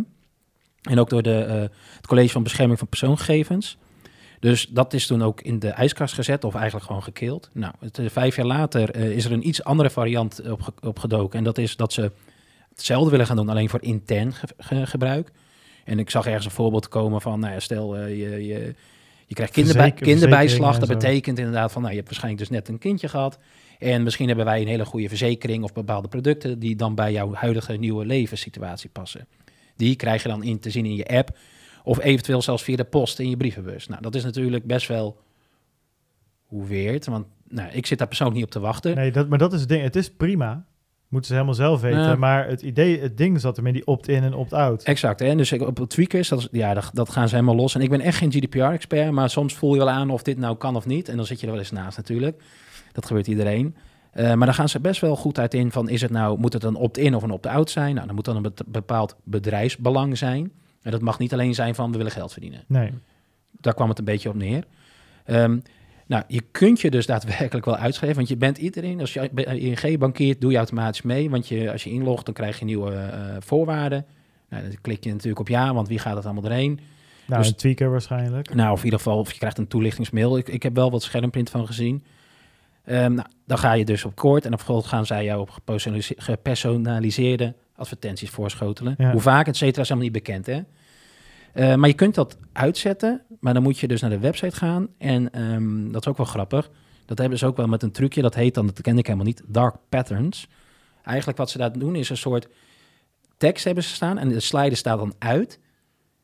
waardoor je het gevoel hebt, hé, hey, dat alles ziet er goed uit. Maar eigenlijk moet je de slider aanzetten Ja. Ah, om uit, uit te gaan. Dubbele ontkenning. Ja, want je, kijk, iedereen is natuurlijk met die sliders, dat is natuurlijk huge geworden met de iPhones. Als jij een slidertje op groen zet, dan zet je iets aan. Ja, blauw. Vaak. Of blauw, blauw groen, rood, Ja. meerdere kleuren tegenwoordig. Maar, Maar grijs is uit in ieder Grijs geval. is uit. Ja, ja, maar ja. nu betekent grijs is aan. Want je moet je dus dat schuifje aanzetten om uit te Ja, In ieder geval super. Maar ik snap het. ja, Of in ieder geval... Waarom? Weet je wel? Waarom moet je jezelf... nou- ja, oké, money, prima, weet je. Maar waarom moet je jezelf dan weer zo dom... Je kan toch ook geld op een andere manier verdienen, weet je? Het is een beetje... ehm, Ja, ze hebben de gegevens al, ze hebben de infrastructuur blijkbaar ook al maar dat om het te snap ik. Maar waarvoor moet je dan zo'n schuifje weer achterstevoren zetten? Dat soort dingetjes, Ja, en dat wel. is ook- ik een beetje... ehm, Nou, dat is wel grappig, want op darkpatterns.org, dan staan meer van dat soort Oh, marketing ja. trucjes. Ja. En ehm, het, het, daar is dus over nagedacht. En dat is het erge. Want je kunt ook gewoon, dat vind ik dan persoonlijk. Ik bedoel, ik ga sowieso me uitschrijven, want ik zit daar niet op te wachten. Ik ben daar niet zo radicaal dat ik meteen zeg, ING, hier heb je mijn pas, zoek het maar uit. Ehm, maar ik, ja, ik vind ben je wel... nog niet op Bunk overgestapt dan? Nee. Vind je, vind je die... We waren bijna op Bunk overgestapt, maar die waren ook wel aan de prijs, zakelijk in ieder geval. Ja. Ja, Ik- Kijk, ik weet ook, volgens mij, want ik zag wat andere bankvoorwaarden. Soms staat het er sowieso al stiekem ergens ook al in dat ze het eventueel kunnen gaan doen in de toekomst. ja. Eh, maar je ziet in ieder geval, dit is dan, eh even kijken, was ook een quote. Martijn van der Veen van Privacy First, die zet ook wel eens vraagtekens of dit mag. Want je mag zulke voorwaarden wel eenzijdig wijzigen. Maar als je klanten zoiets oplegt, kun je afvragen of het dan wel een keuze is. Nou, Ja. Je kunt volgens mij ook alleen op oké klikken of je moet dus weg. ja. Of je kunt opt-out. Maar in ieder geval, het laatste woord er niet Ja, over en het hele eh, opt-in is iets wat eigenlijk niet echt meer mag, volgens mij. En ehm, dacht ik, dacht ik te lezen. Ik dacht dat dat, dat, dat, dat met dit soort privacy-achtige Nou, dingen... juist wel. Je moet dus ergens toestemming voor geven dat ze het mogen Ja, ja, precies. En, maar, maar hier is het dus zo dat dat al aanstaat Ja. en ik opt-out moet Ja. doen. En, en dat was volgens mij niet helemaal meer de bedoeling. Ik weet niet of dat een keiharde eh, regel is in de GDPR, Ja, en dan- maar dat was het hele probleem met, met, met al die... eh, Nou, ik denk dat het goed is. Kijk, de tweakers.net, dat is, die heeft daar een, een topic over. Die was gisteren online, dus dat was woensdag de vijfde. En daar zitten heel veel gebruikers met veel meer kennis erover. Dan Ja. heb je comments. Als je wil Lees zien, even als lekker je- doorheen. Als je wil zien hoe een, een rabbit hole eruit ziet, dan moet je naar een willekeurig tweakersartikel gaan en naar de reacties. Maar dit zijn wel discussies op de inhoud. Die gaan ze, pakken ze die, die punten erbij. maar inderdaad, dit is... eh, Maar dat is, dat is een mooi, dat past wel mooi wat, wat, wat Ru- Rutger net zegt over EQ, IQ zeg maar. IQ-level, gewoon eh, over Ja. 9000 in principe. Maar qua EQ, soms gaat het daarover, dan is weer een, een weet ik veel, een, een, een slim slot of zo, weet je wel. En dan duiken ze echt weer in zo de techniek in. En ze hebben dan wel gelijk, maar dan komen ze bij een risico wat zich één keer in een miljoen gebruikers gaat, eh, gaat voordoen, weet je. En dan zeggen ze nee, dus nooit zo'n slot, weet je maar wel. dit is natuurlijk iets, dit is niet een risico per se. Dit is gewoon wetgeving pakken. Is het Oh nee, hier ben ik het wel met Ja. je eens. Alleen ze gaan altijd zo enorm Ja, maar dan diep- vind ik het zo mooi om doorheen te lezen. Diep, diep de details. Ik dat ik soms denk van, waar hebben we het nog over? Maar, Ik dacht dat je dat IQ, EQ ook op ING eh, eh, eh, beeld wilde passen, zeg maar. Eh, want dat- daar heb je natuurlijk ook van, ja, je kunt wel denken je, een beetje slim geld te gaan verdienen, maar ja, blijkbaar weinig empathie voor de klant. Ehm, en ook, eh, ja, helemaal- het is helemaal niet vanuit de klant. eh, maar daarom is het gedacht, ook gewoon Dus, dom. eh, het is niet eens meer slim nu, denk ik. Nee, nou ja, goed, men denkt, men denkt kennelijk slim te zijn, want anders, anders, doe, anders doe je dit toch haast niet, denk ik. Hè? Van- maar dit is, het is voor mij, ik, ik, je kunt ook, ehm, je kunt er ook heel blij mee zijn. Eh, waarom kun je er blij mee zijn? Is dat het gewoon eh, eh, steeds duidelijker wordt waarom ehm, de betalingsinfrastructuur die nu in eh, eh, besloten handen is bij de banken, zo snel mogelijk gemigreerd moet worden naar digitale publieke infrastructuur die niet in handen is van de banken, maar gewoon ja, via het internet werkt. En eh, dat werkt eigenlijk al. En is flink schaalbaar aan het worden. Dus dus eh, ja, ik denk dat dat het gewoon eh, eh, een hele goede case is Maar dan, moet je, de- dan moet je dus wel opletten, want dan is het dus oud in die open voor iedereen. Hè? Dus, Nou, niet, niet, niet per se. Ik bedoel, er zijn natuurlijk heel veel privacy by design oplossingen voor. Dus dat ze En- nodig hebben. En, en wat je gewoon toch wel ziet in dit, dit, dit is eigenlijk. En er wordt ook wetgeving aangenomen eh, die, ehm, ja, die, die soms wel eens een privacy breach by design eh, zijn. En dit, en dit vind ik daar ook een, een, een voorbeeld van. Dat je het eigenlijk hebt over privacy breach by design. En het zit gewoon nog op de oude golf van, van het Anglo-Saxisch uitmelken van klanten. Ja. Dat, is, dat is gewoon achterhaald. Dat is ook de reden waarom ik ja, eigenlijk zo min mogelijk met, ja, met, met dit soort banken te maken zou willen hebben. Ja, het probleem met die bank is natuurlijk dat ze in principe hè, privaat soort van de lust hebben, maar eh, ehm, dat de samenleving de lasten draagt eigenlijk. Hè? Dus hè, als ze winst maken, dan, dan is het vooral voor het bedrijf, het private bedrijf, de bank. Maar als het fout gaat, dan moet de, de samenleving de, de bail-out eh, betalen. En dat is natuurlijk een beetje een rare... Maar het staat los van de infrastructuur Oh natuurlijk, nee, dat staat er Ja, helemaal, eh, helemaal, helemaal los van. Maar dat maakt het wel een hele rare positie die ze innemen. Er is Mm. geen bedrijf wat zo op die manier in elkaar zit eigenlijk. Maar dit hele besluit is puur winstgedreven. Want hier zit gewoon geen... Toch? Of, maar ik snap dat, ik, kijk, ik snap dat dat opkomt, hè, dat ze daar zo in zo'n boardroom zitten en zeggen van, nou, oké jongens, weet je, we moeten eh, nieuwe manieren vinden om geld te verdienen. we hebben de data al. We hebben de data en, eh, dan, en dan gooit iemand dat op. Dat is een brainstorm, weet je, net als dat Mhm. C, eh, CZ met die Bitcoin re, reorg Of ja, of ja, fork sorry, ja, voorkwam. En dan zegt iemand anders, ja, maar weet je, dat hebben we in 2014 ook al geprobeerd. Dat heeft echt veel gezeik opgeleverd. Daarnaast, ons imago is al niet zo goed, weet je wel. En er is heel veel gezeik over privacy en andere dingen. En we hebben ook eh, die andere, hoe heet die andere wet nou ook alweer... ehm, waar, waar, waar je inzicht tot je bankgegevens kan geven. PSD2, PSD2, ja. ja. Weet je, je moet ook, laten we eerst even kijken hoe dat gaat. Misschien over een jaartje zijn die gebruikers eraan gewend. Dat zou je toch verwachten? Dat is toch niet dat...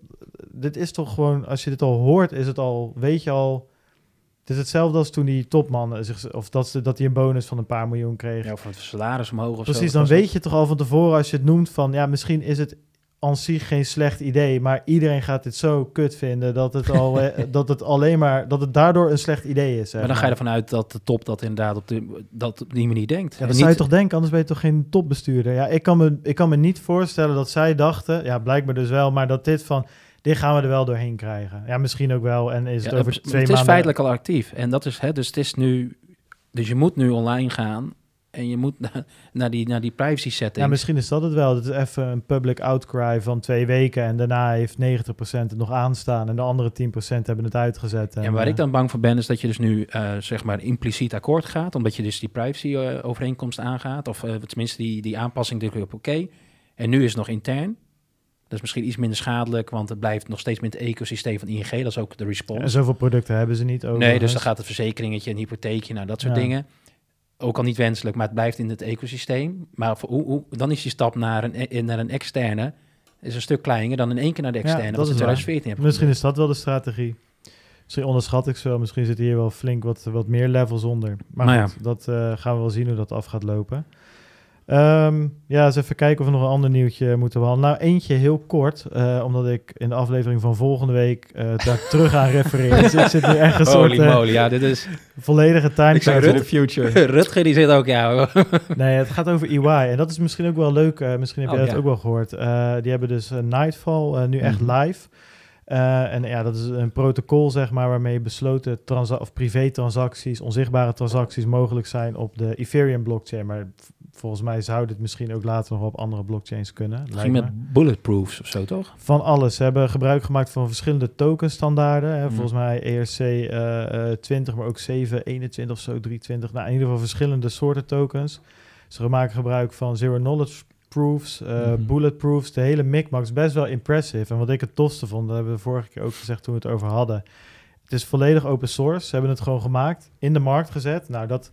En het is nu van iedereen en van niemand. In ieder geval niet van EY. En dat is voor zo'n oude eh, organisatie, is dat, dat is on- ongekend, zeg maar. Dat is Ja. als, eh, dat is- we hebben net over ING gehad hoe het niet moet. Nou, dit is echt compleet de andere kant eh, eigenlijk. En ehm, ja, ik vind het wel vet dat ze dat vol Zien- opzetten ook op die public chains. Zien we dit nou ook ehm, in Ethereum community terugkomen? Ik zie het los van dat ik het af en toe lees op Coindesk, hoe dat soort platformen eigenlijk niet heel veel voorbij komen. Dus ik ben benieuwd. Ja, het staat nu pas net dat? live natuurlijk. Ja, maar ook in de aankondiging is al een poosje Ja. geleden gedaan. Ik zie het niet Hm. heel erg veel. Nee, ik heb, ik heb daar, daar heb ik niet zo op gelet. Eh, m- maar wat ik eh, eigenlijk een van de mooiste ehm zinsneders vind in ook eh, de, de, de- de, eh, dat het live gezet is, dat hele artikel Ja. wat ze op LinkedIn eh, geplaatst hebben, is dat ze gewoon zeggen van oké, ehm, eh, digitale publieke infrastructuur, we gaan eh, het ERP voor ecosystemen met elkaar bouwen. En, en, en ja, dat is natuurlijk mega interessant. Zij zien gewoon een IT-stack voor ecosystems. En dat is ook exact waar wij, uh, waar wij mee bezig zijn. Dus wij, ja, ik vind het geweldig dat zo'n organisatie uh, een kleur bekent door te zeggen, nou oké, okay, wij hebben dus duidelijk een keuze gemaakt. Uh, public blockchains en, en wel hierom. Nou ja, ja um, ERP voor ecosystemen. Dat ja, is en open source. En ja, tuurlijk, ja, dat hoort erbij. Dat, dat hoort er inderdaad bij, dus, maar, dus, dat is, uh, maar dat is wel inderdaad wat je zegt. Want dat is wel even, je moet wel even al die stappen, hè, want het is heel vaak zo, ja, blockchain, maar uh, hè, nou, Accenture, niet immutable. Ja. uh, blockchain, maar toch private en permissioned. En dus al die aspecten die eigenlijk blockchain interessant maken, worden er in die private omgevingen weer uitgesloopt. ja. ja. Ja. ik snap het ook wel hè, voor de, de oud-Hollandse vingeroefening, zullen we maar zeggen, de, dat je eventjes met elkaar gaat oefenen en dat je in een Hyperledger netwerk dingen met elkaar gaat uitwisselen, snap ik ook wel. Maar het wordt echt interessant als je die publieke digitale infrastructuur gaat uh, bouwen. En, en daar lijkt uh, uh, EY echt op in te zetten. Dus dat is, dat, is, ja, dat is een teken aan de wand, denk ik. Want er volgen er steeds meer. Ja, Nee, ja, zeker. En voor mij had hij, ze hadden gezegd dat het een miljoen had gekost, of in ieder geval de manpower en ontwikkelingskosten en zo. Dus ja, ik, maar dit, los van het, van, het, van, van het idee zelf of blockchain of niet, dit zijn wel echt, dit zijn innovatieve nieuwe businessmodellen. Want dit is echt um, je kop boven het maaiveld en zaaien, zaaien en Klopt. geld uitgeven, investeren en maar hopen dat het terugkomt. Dat is natuurlijk voor dit soort bedrijven compleet die willen eigenlijk normaal gesproken, dat wil iedereen, maar eh, een return on investment. En dat wil je zo zeker mogelijk weten. Dus dit is super spannend. Maar ik denk echt dat dit de way to go is, hoe zij dit nu doen. Ja, moet, ja? Nee, ga je. Oh, je zegt nu uh, wel van uh, een miljoen en uh, investeren, maar dat is natuurlijk peanuts voor zo'n bedrijf. Hè? Dus als je kijkt over, mm. als, je, als je dus digitale publieke infrastructuur bouwt, waar heel veel partijen gebruik van maken. En je zegt van nou, we hebben iets gebouwd en dat kan iedereen gebruiken. En uh, we, we bedienen daar ook de markt mee, want ze moeten het natuurlijk ook implementeren bij allerlei partijen. En dat heeft een miljoen gekost. Uh, kopen ze een beetje project in uh, in de markt. De, ik bedoel, voorbij het proof of concept level, hè, want dit is gewoon productiewerk. ja, dan is een miljoen helemaal niet zo, niet zo gek nee, dat, voor een IT-projectje. Dat ben ik met je eens. Alleen het is, ja, maar het, het, is een IT-project, maar waar je dus wel uiteindelijk naar, naar, naar degene, naar de baas moet gaan van die daar, die daar geld voor moet geven, die het budget goed moet keuren. En dan zeg je van oké, okay, ik ga een miljoen investeren. Oké, wat ga je met het product doen? Hè? Ga je dat verkopen? Is het abonnementsvorm? Nee, ik zet het vrij in de markt. Hier, ik open de GitHub. Ja, ja dat...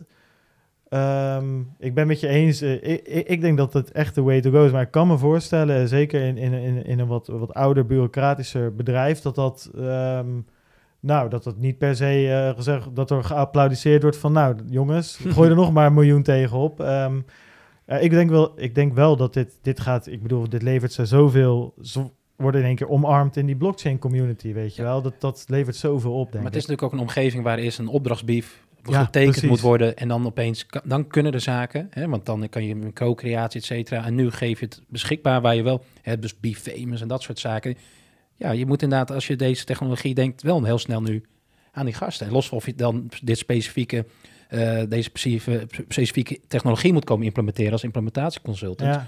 Maar ja, het is wel weer je, je, die, die brand, ja, ja. Die, die koppel je nu aan de technologie. Maar dit, dit blijft altijd van hun in de zin, in, in de gedachten van de mensen, zeg maar. Dus nu, nu gaat die open, open source community Weet je, ik denk dat, dat, dat een Ethereum developer wel eens even... Ik zou wel benieuwd zijn. Ik zou even gaan kijken. En dan misschien gaan mensen ermee aan de slag. Die gaan jouw product verder brengen. En EY kan altijd zeggen, dit, dit Nightfall, dat, dat hebben wij gemaakt, weet je wel. Wij zijn de Satoshi van, van de Nightfall. Ja, dan kom je natuurlijk overal... Uh... Maar het is wel even afwachten of het echt goed is. Want ik heb zeker, dus zeker, zeker, zeker, geen idee of het productie ready echt al is en of het echt werkt. Uh, maar het initiatief, het gedachtegoed, de gedachtegoed is, is prachtig. Prima. Ja, zeker. Dat, dat, dat publiceren en openen van het GitHub, dat is het nieuwe patent. He, dus uh, gewoon, uh, je, je, hebt niks te enforcen. Nee, je doet juist het tegenovergestelde. Je gaat ervoor zorgen dat die technologie maximaal benut wordt en zo groot mogelijk bereik krijgt. Maar ja, op een heel ander level ga je dat exploiteren. Dus ja. dat, uh, dat klopt wel helemaal, ja. Vet. Uh, de marktupdate. Uh, laten we daar even kort doorheen gaan. Nou, we zijn weer omlaag met ongeveer 1000 dollar. Het is wel weer volatiel de laatste tijd. 7828, vorige week 8727, dus 900, nee, iets meer zelfs, 1100. Ja, we waren net boven de 9k.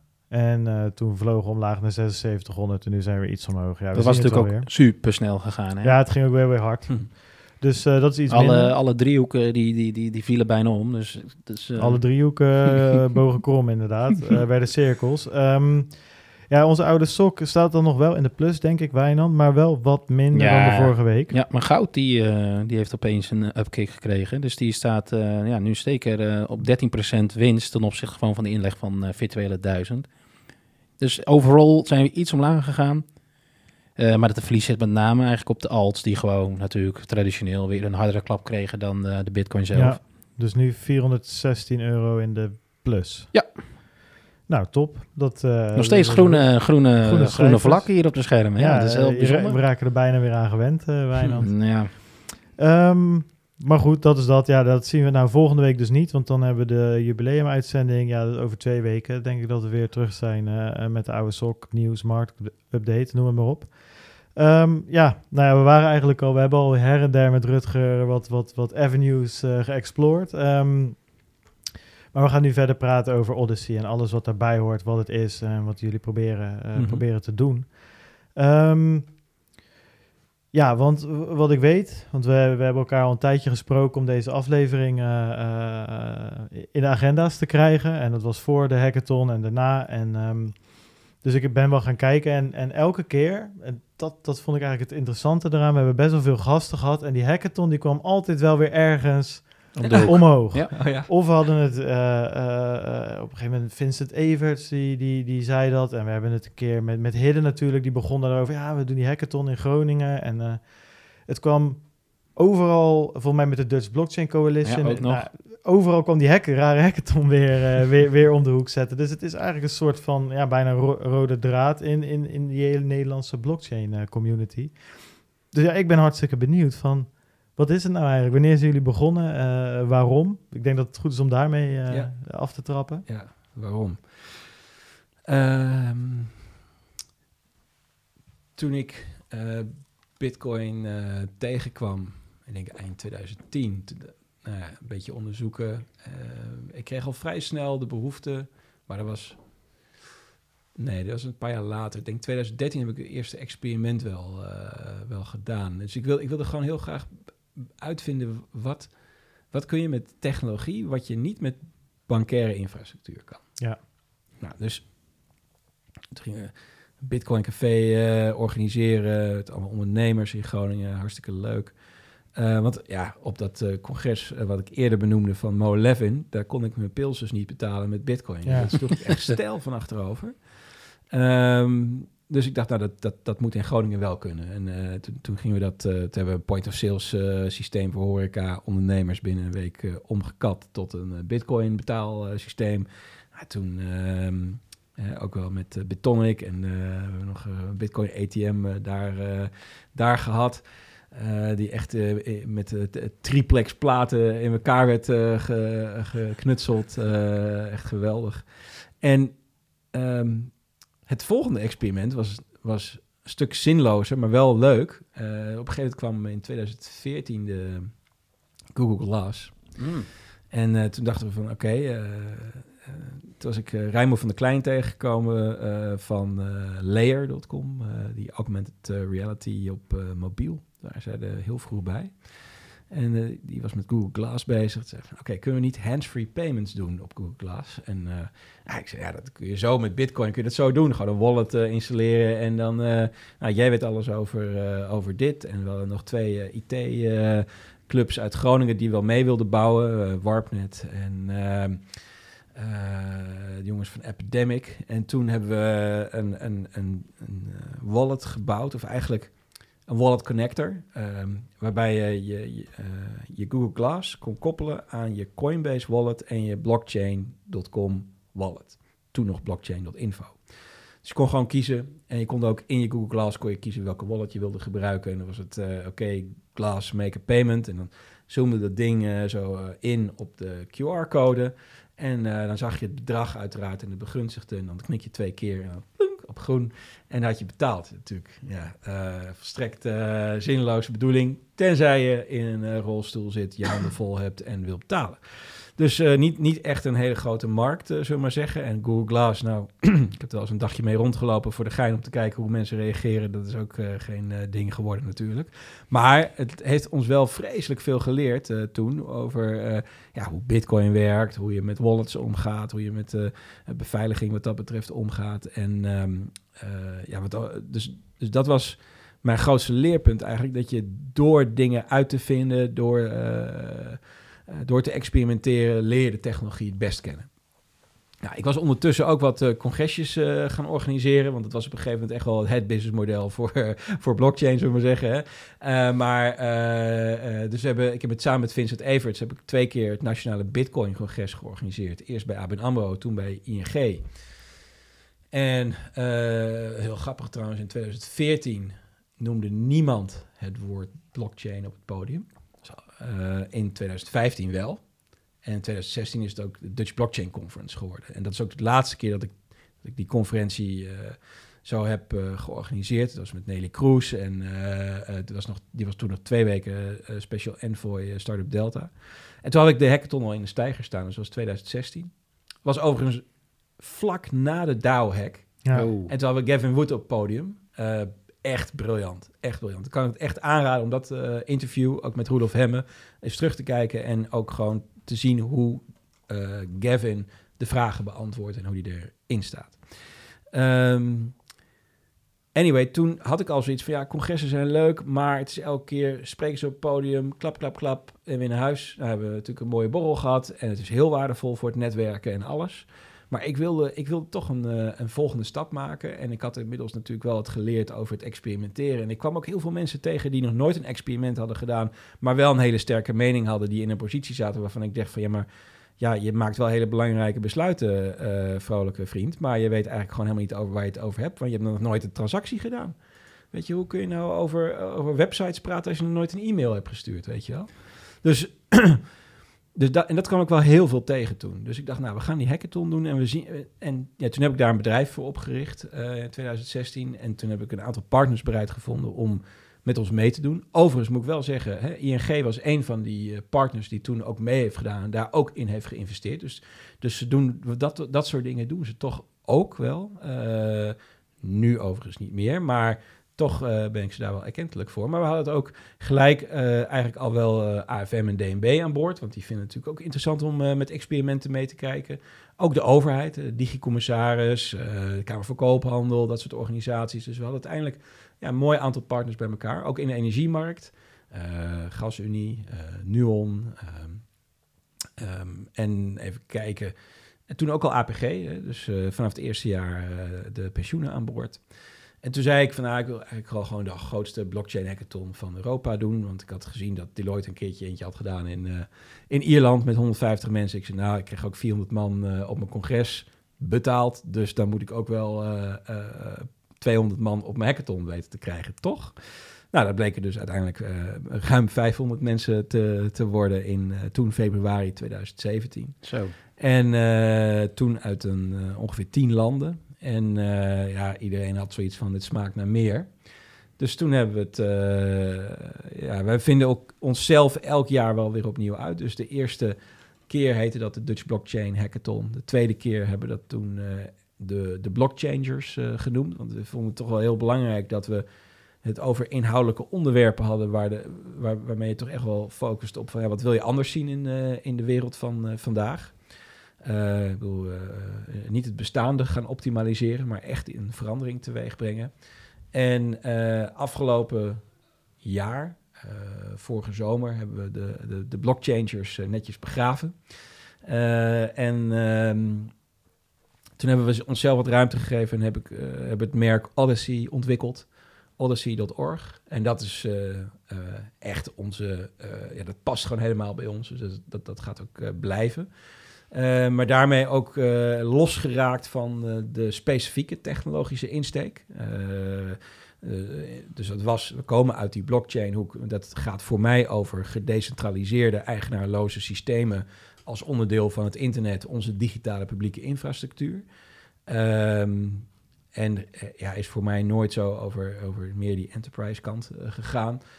Um, en en steeds vaker kwam ik interessante combinaties met uh, artificial intelligence tegen. Juist waar dat samenkomt, uh, wordt het, vind ik echt interessant. Um, en, en daarom hebben we nu ook AI heel duidelijk als pijler daarbij gezet. En uh, ja, we zeggen nog wel blockchain en AI, maar dan kun je gewoon, hè, als je dat voor je ziet op een slide, kun je er gewoon uh, uh, strepen doorheen zetten en dat gewoon echt op digitale publieke infrastructuur zetten.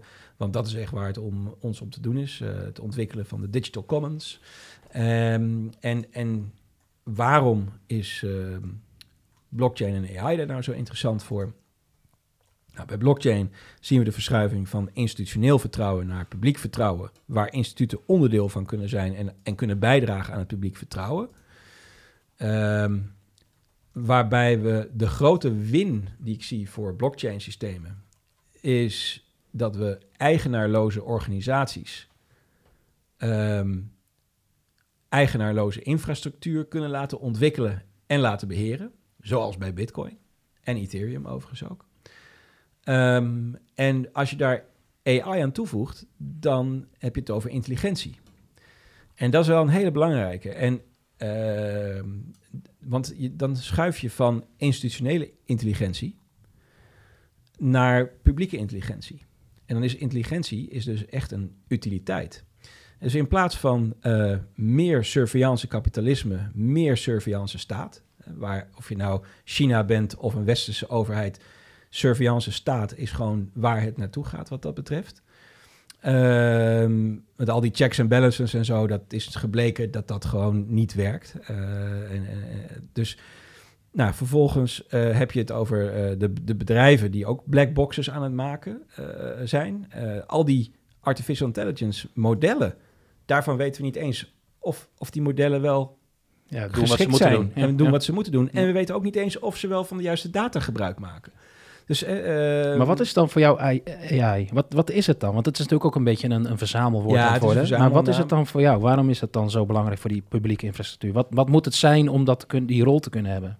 Nou, je, je moet volgens mij alle data van de wereld kunnen gebruiken om intelligentie uh, te kunnen delen met elkaar. Uh, dus dat, de, welke, welke data gebruik je eigenlijk om, om, en inzichten uit die data? Dus ik zie algoritmes en, en, en, en dat soort dingen. En ook machine learning capabilities.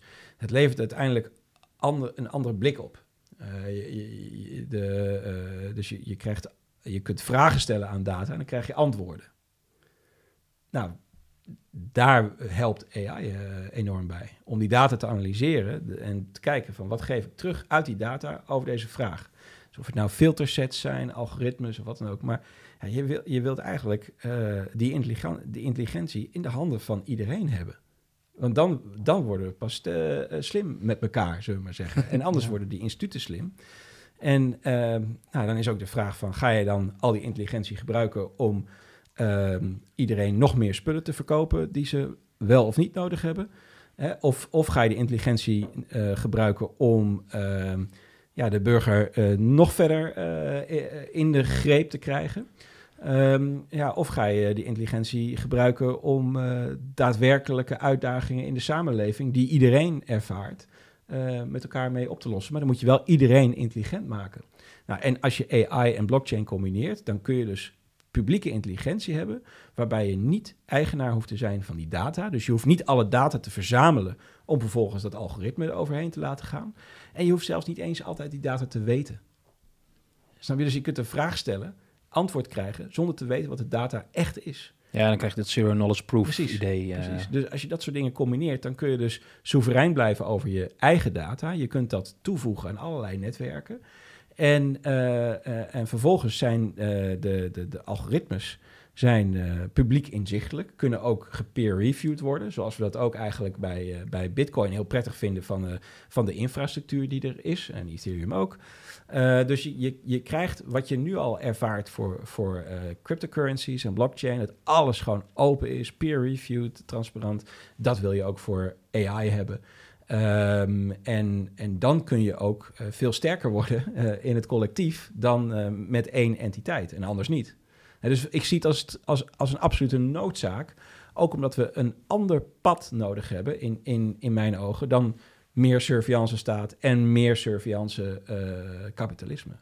Ehm, en en dat, dat pad is dus een, een, een ja, de digital commons, die nieuwe publieke digitale infrastructuur, waarbij niemand de eigenaar is en waar iedereen ermee kan, kan werken. En ook al die nieuwe protocollen die daarop ontwikkeld worden, ja, die, die, die openen weer nieuwe markten.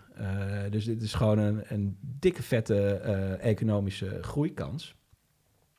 Want elke, elke protocol moet worden geïmplementeerd bij applicaties en diensten en uh, dus net zoals het e-mailprotocol, uh, ja, je werkt niet op het e-mailprotocol, je werkt in Gmail of Outlook of je werkt met Mailchimp of wat dan ook. En dat zijn diensten die gebruik maken van het protocol. Net zoals dat je, je gebruikt niet Bitcoin als infrastructuur direct. Nee, je hebt altijd een wallet waar je mee praat. Uh, je krijgt hardware wallets, uh, je krijgt uh, mobiele wallets, je krijgt allerlei... Nou ja, en daar kun je wel allemaal diensten op ontwikkelen. Dus nou, dat maar, is een ecosysteem. Maar hoe doen jullie precies dat dan? Hè? Want AI en, en blockchain, dat zijn vaak topics... Waar, we, we begonnen ook, dit is een definitiekwestie. Dat is vaak niet eens een definitie. Daarom vroeg ik ook aan jou van wat betekent dan AI? Wat is dat voor jou? Ja, wat betekent intelligence ja, Precies, wat, wat is dat dan? Maar hoe zetten jullie dat met Odyssey om naar, naar zo'n programma of zo'n hackathon? Hoe kom je dan, hoe kom je dan tot die tot die specifieke cases om dan deze twee pijlers eigenlijk toe te passen. want dat vind ik dan nu nog best wel lastig. Want je, ik snap dat je, dat je, je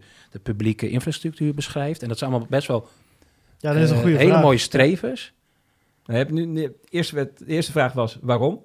Ja. uh, nu komen we bij het hoe, dus dat is heel goed. En hebben we wat eigenlijk al gehad. Uh, maar dat, is een beetje het, dat komt wel op hetzelfde neer bij, bij wat we aanpakken.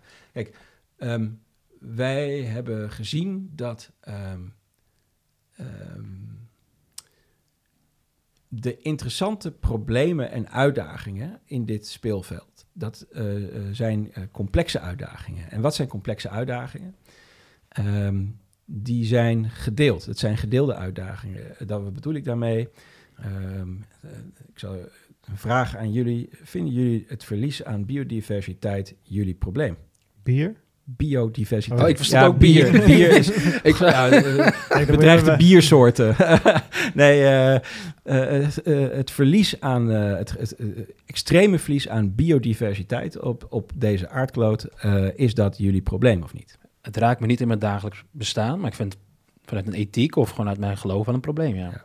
Of de energietransitie. Ja. ja, ik vind vooral met die biodiversiteit is het meer... Um, als we het dan toch over AI hebben. Kijk, als je ziet, zeg maar. Wij we denken vaak als we een soort van uh, artificial general intelligence hebben. Dus gewoon echt iets wat, wat kan denken en wat niet een, een algoritme uh, gemaakt is voor een specifiek probleem. Hè, want dat is wat je nu nog vaak, uh, vaak ziet. Als je dat hebt en als, je dat, als dat slimmer dan ons is, als het ook maar een beetje lijkt op de mens. Ja, dan zitten we er niet best bij. Want wij hebben alles kapot gemaakt ja, wat, we, wat, wat, wat okay. we tegen zijn gekomen. Wij hebben onze soortgenoten kapot gemaakt. Voor mij, wij zijn natuurlijk homo sapiens. Voor mij had je Neandertalers of zo. Die hebben eerst uitgemoord. Daarna alle dieren.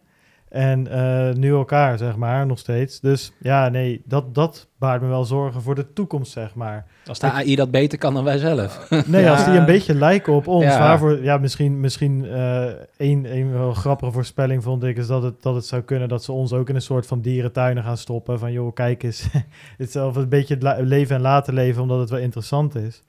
Maar ja, ik, ik vind dat we, wat jij ook zegt, net een punt van hè, we kunnen twee kanten op, of uh, kapitalistische systemen uitmelken van de burgers, of uh, echt problemen gaan oplossen. Ja, het is toch een beetje uh, altijd het eerste geweest wat we altijd gedaan ja. hebben als mens. Ja, dus, en, ja. Maar de, de grap is eigenlijk dat in die complexe vraagstukken schuilen enorm veel business opportunities. Uh, dus uh, het blijkt gewoon dat je niet per se mensen hoeft uit te melken om gewoon een mooie business te bouwen. Dus dat is echt, uh, ja, hoe, uh, wat een inzicht. Maar dus uh, die complexe vraagstukken, daar zijn heel veel stakeholders bij betrokken. Die een deel van het probleem ervaren, maar dus ook een deel van de oplossing kunnen brengen. Dus het ja. zijn eigenlijk vraagstukken die gaan over grenzen heen. Die stoppen niet bij organisaties, niet bij industrieën. En er zijn heel veel causale, causale verbanden. Um, en die hebben ook weer allerlei uh, uh, uh, impact op elkaar. Ik bedoel, stel, er rolt een nep-telefoon met een ongeteste batterij uit een of andere fabriek in, in, in waar dan ook ter wereld. Die belandt in de buik van een vliegtuig. En die cargo-toestellen, dat zijn tegenwoordig allemaal passagierstoestellen. En het ding vliegt in de fik. Wie is er dan verantwoordelijk? Nou, als dat een toestel van KLM was geweest, nou niet KLM, want die, had niet, die kan niet eens controleren of het wel een echte telefoon is. Weet je wel? Dus uh, uh, dit, dit zijn allemaal, dat, zijn, dat is interessant aan die complexe vraagstukken. En uh, dus om, om complexe vraagstukken, om, om daar oplossingen voor te vinden, heb je grootschalige samenwerking nodig. En dan wordt het interessant, want grootschalige samenwerking, dat is dus samenwerking in ecosystemen. Niet in, niet in organisaties, want dan kennen we enterprise IT voor. Niet in, alleen in industrieën. Hè. Uh, Swift is een, zeg maar, een, een, een industrieplatform. Ook hartstikke mooi. Maar hier hebben we het over samenwerking met alles. Dat zijn dus objecten en iedereen. En, en dat zijn eigenlijk uitdagingen waarvan je zegt, van, je kan eigenlijk niet genoeg mensen betrekken bij de oplossing. En dus ga je kijken, hoe stel ik mensen en machines optimaal in staat om hier aan bij te dragen. Per definitie open. Nou, en, en dat zijn de uitdagingen die wij verzamelen. Uh, die worden aangedragen door overheidsorganisaties en door uh, het bedrijfsleven. En, en die uitdagingen moet je dus ook ja, zeg maar articuleren met die verschillende stakeholders. Dus, dus we, hebben een programma ontwikkeld wat die stakeholders allemaal meeneemt in, in de reis van het definiëren van die challenges. Vervolgens ga je gezamenlijk uh, kennis opdoen. Uh, we hebben allemaal deep dives die we organiseren. Zijn over allemaal uh, voor, voor gratis toegankelijk voor iedereen. En um, ja, dan werken we eigenlijk toe naar het momentum van de hackathon. en dat doen we door... ehm, ja, op een gegeven moment gaan de inschrijvingen van de, voor de teams open. Teams schrijven zich in het geheel in. Dit jaar hadden we ruimte voor 100 teams. Nou, er zijn bijna twee keer zoveel aanmeldingen, dus we kunnen goed kiezen. We kunnen dus precies kijken welk team past bij welke challenge. Hè? Uh, digital identity, of uh, gaat het over juist een open protocol voor het vastleggen en uitwisselen van digitale toestemmingen. Of hebben het over hier crisis and disaster management met de, de, de brandweerorganisaties. Of uh, of gaan we het juist hebben over uh, uh, ja, hoe gaan we beschermen van bedreigde diersoorten schaalbaar maken? Want dat was ook een van de challenges. dus dit jaar hadden we voor het eerst een, een NGO in ons midden. was echt geweldig. En ook de oplossingen die daaruit komen, ehm, dat zijn gewoon ja, business cases. Die, ja. Daar komen gewoon oplossingen uit die niet alleen voor NGO's geschikt zijn, maar ook voor bedrijven.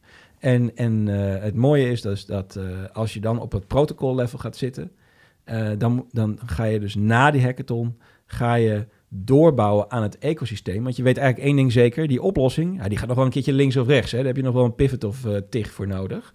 Maar wat je, wat je ondertussen opbouwt, is een community van mensen die belang hebben bij de adoptie van het protocol. Want die willen het graag gebruiken zo snel mogelijk, alsjeblieft, graag. En je hebt een community nodig van developers, van mensen die kunnen bijdragen. Al is dat met legal of marketing of uh, uh, inspiratie als kunstenaar of whatever. Maar een contributors community. En, en dus deze nieuwe type oplossingen, die hebben ook communities nodig om ze uiteindelijk tot wasdom te brengen. Nou, dat is de derde fase eigenlijk in het programma. Hè. Dus we hebben voorbereiding, we hebben het momentum van die, uh, nou ja, die epische hackathon. Uh, met, die twee dagen? Die, nou, dat is eigenlijk, ja, het, begint op donderdag met aankomen. Dan heb je dus vrijdag de opening, zaterdag keihard bouwen, zondag jureren en maandag de Odyssey Ignite, waarbij we met de winnaars dus gelijk doorstomen met, met, het, met, met de stakeholders en de klanten. Ja, en dan, en dan is het samenwerken met de teams en de partners om dus ecosystem development te doen. Ja, en dan ben je echt uh, communities aan het bouwen en ook community business aan het bouwen. En dat is ja, superleuk om te doen. Maar wat definieert dan een winnaar op zo'n op zo'n op zo'n business case? Ik kan me voorstellen ja. dat er heel veel goede ideeën zijn, maar wat, is dat, wat moet een winnaar dan hebben ten opzichte van zijn andere, van andere teams? Ja, we kijken naar um, uh, een aantal assen. Je hebt het team en je hebt de oplossing. Dan heb je de kwaliteit van beide en de potentie ervan. En we kijken naar, en, en dus, dus het is een vrij eenvoudig beoordelingsschema, want ja, je moet je voorstellen, wij gaan in twee uur tijd uh, met twintig jurypanels, uh, bestaande uit in totaal meer dan 60 mensen, uh, van 100 naar 20 winnaars. dus 100 teams en 20 winnaars. Dus echt een hele gave middag. En ehm, ja, je moet, je moet vrij snel keuzes maken van met wie zou ik het beste verder kunnen werken. Daar komt het eigenlijk op neer. Dus welk team heeft het beste geluisterd? Allerlei aannames die ze hebben meegebracht naar de hackathon, hebben afge, of achter zich gelaten. En, en vervolgens iets gemaakt hebben wat nog beter was dan wat ze van tevoren hadden bedacht te gaan maken. Nou, daar gaat het om. Uh, en, en dus aan de ene kant, die, die challenge owners, die krijgen, ja, die weten aan het begin niet wat ze aan het eind zullen krijgen van die teams. En die teams gaan met een bepaald idee naar de hackathon toe. Want ja, ze komen dus uit, vanuit de hele wereld komen ze hier naartoe. Ja, bizar. Uh, ik had een, uh, een compleet vrouwenteam uit Iran. Er waren teams uit Zuid-Afrika, de VS, maar ook Israël, Aziatische landen, India, China, Japan. kwamen mensen uit Australië. Dus, maar ook gewoon heel veel uit Europa. nou, en dan ja, die, die maken dus uiteindelijk op zondag hebben ze iets anders dan wat ze van tevoren hadden bedacht. En dat, dat is wel een soort van transformatief, weet je wel. Je moet echt met die experts samenwerken um, om erachter te komen dat je, ja, uh, dat je gewoon dingen niet goed had bedacht en dat je dat beter niet kon doen. Is dat misschien ook een beetje de reden, Odyssey, dat is natuurlijk Grieks volgens mij voor, of voor mij is het een gedicht of zo, of een verhaal, een ja. mythe, ja. over iemand die dus zijn weg moet vinden. Dus Terug naar huis, overigens. Dat is misschien nog wel interessant. Terug naar de basis, ja. Maar is dat, dus dat past ook veel beter dan als ik zo hoor wat jij beschrijft. Is het dan, dan, dan ga je dus ook, je komt daar van heinde en verre, komen ze daar naartoe met een idee. En, en het zou zomaar kunnen dat twee dagen later het, het idee daar helemaal niet meer is. Het helemaal anders is geworden, maar misschien nog wel beter. Ja.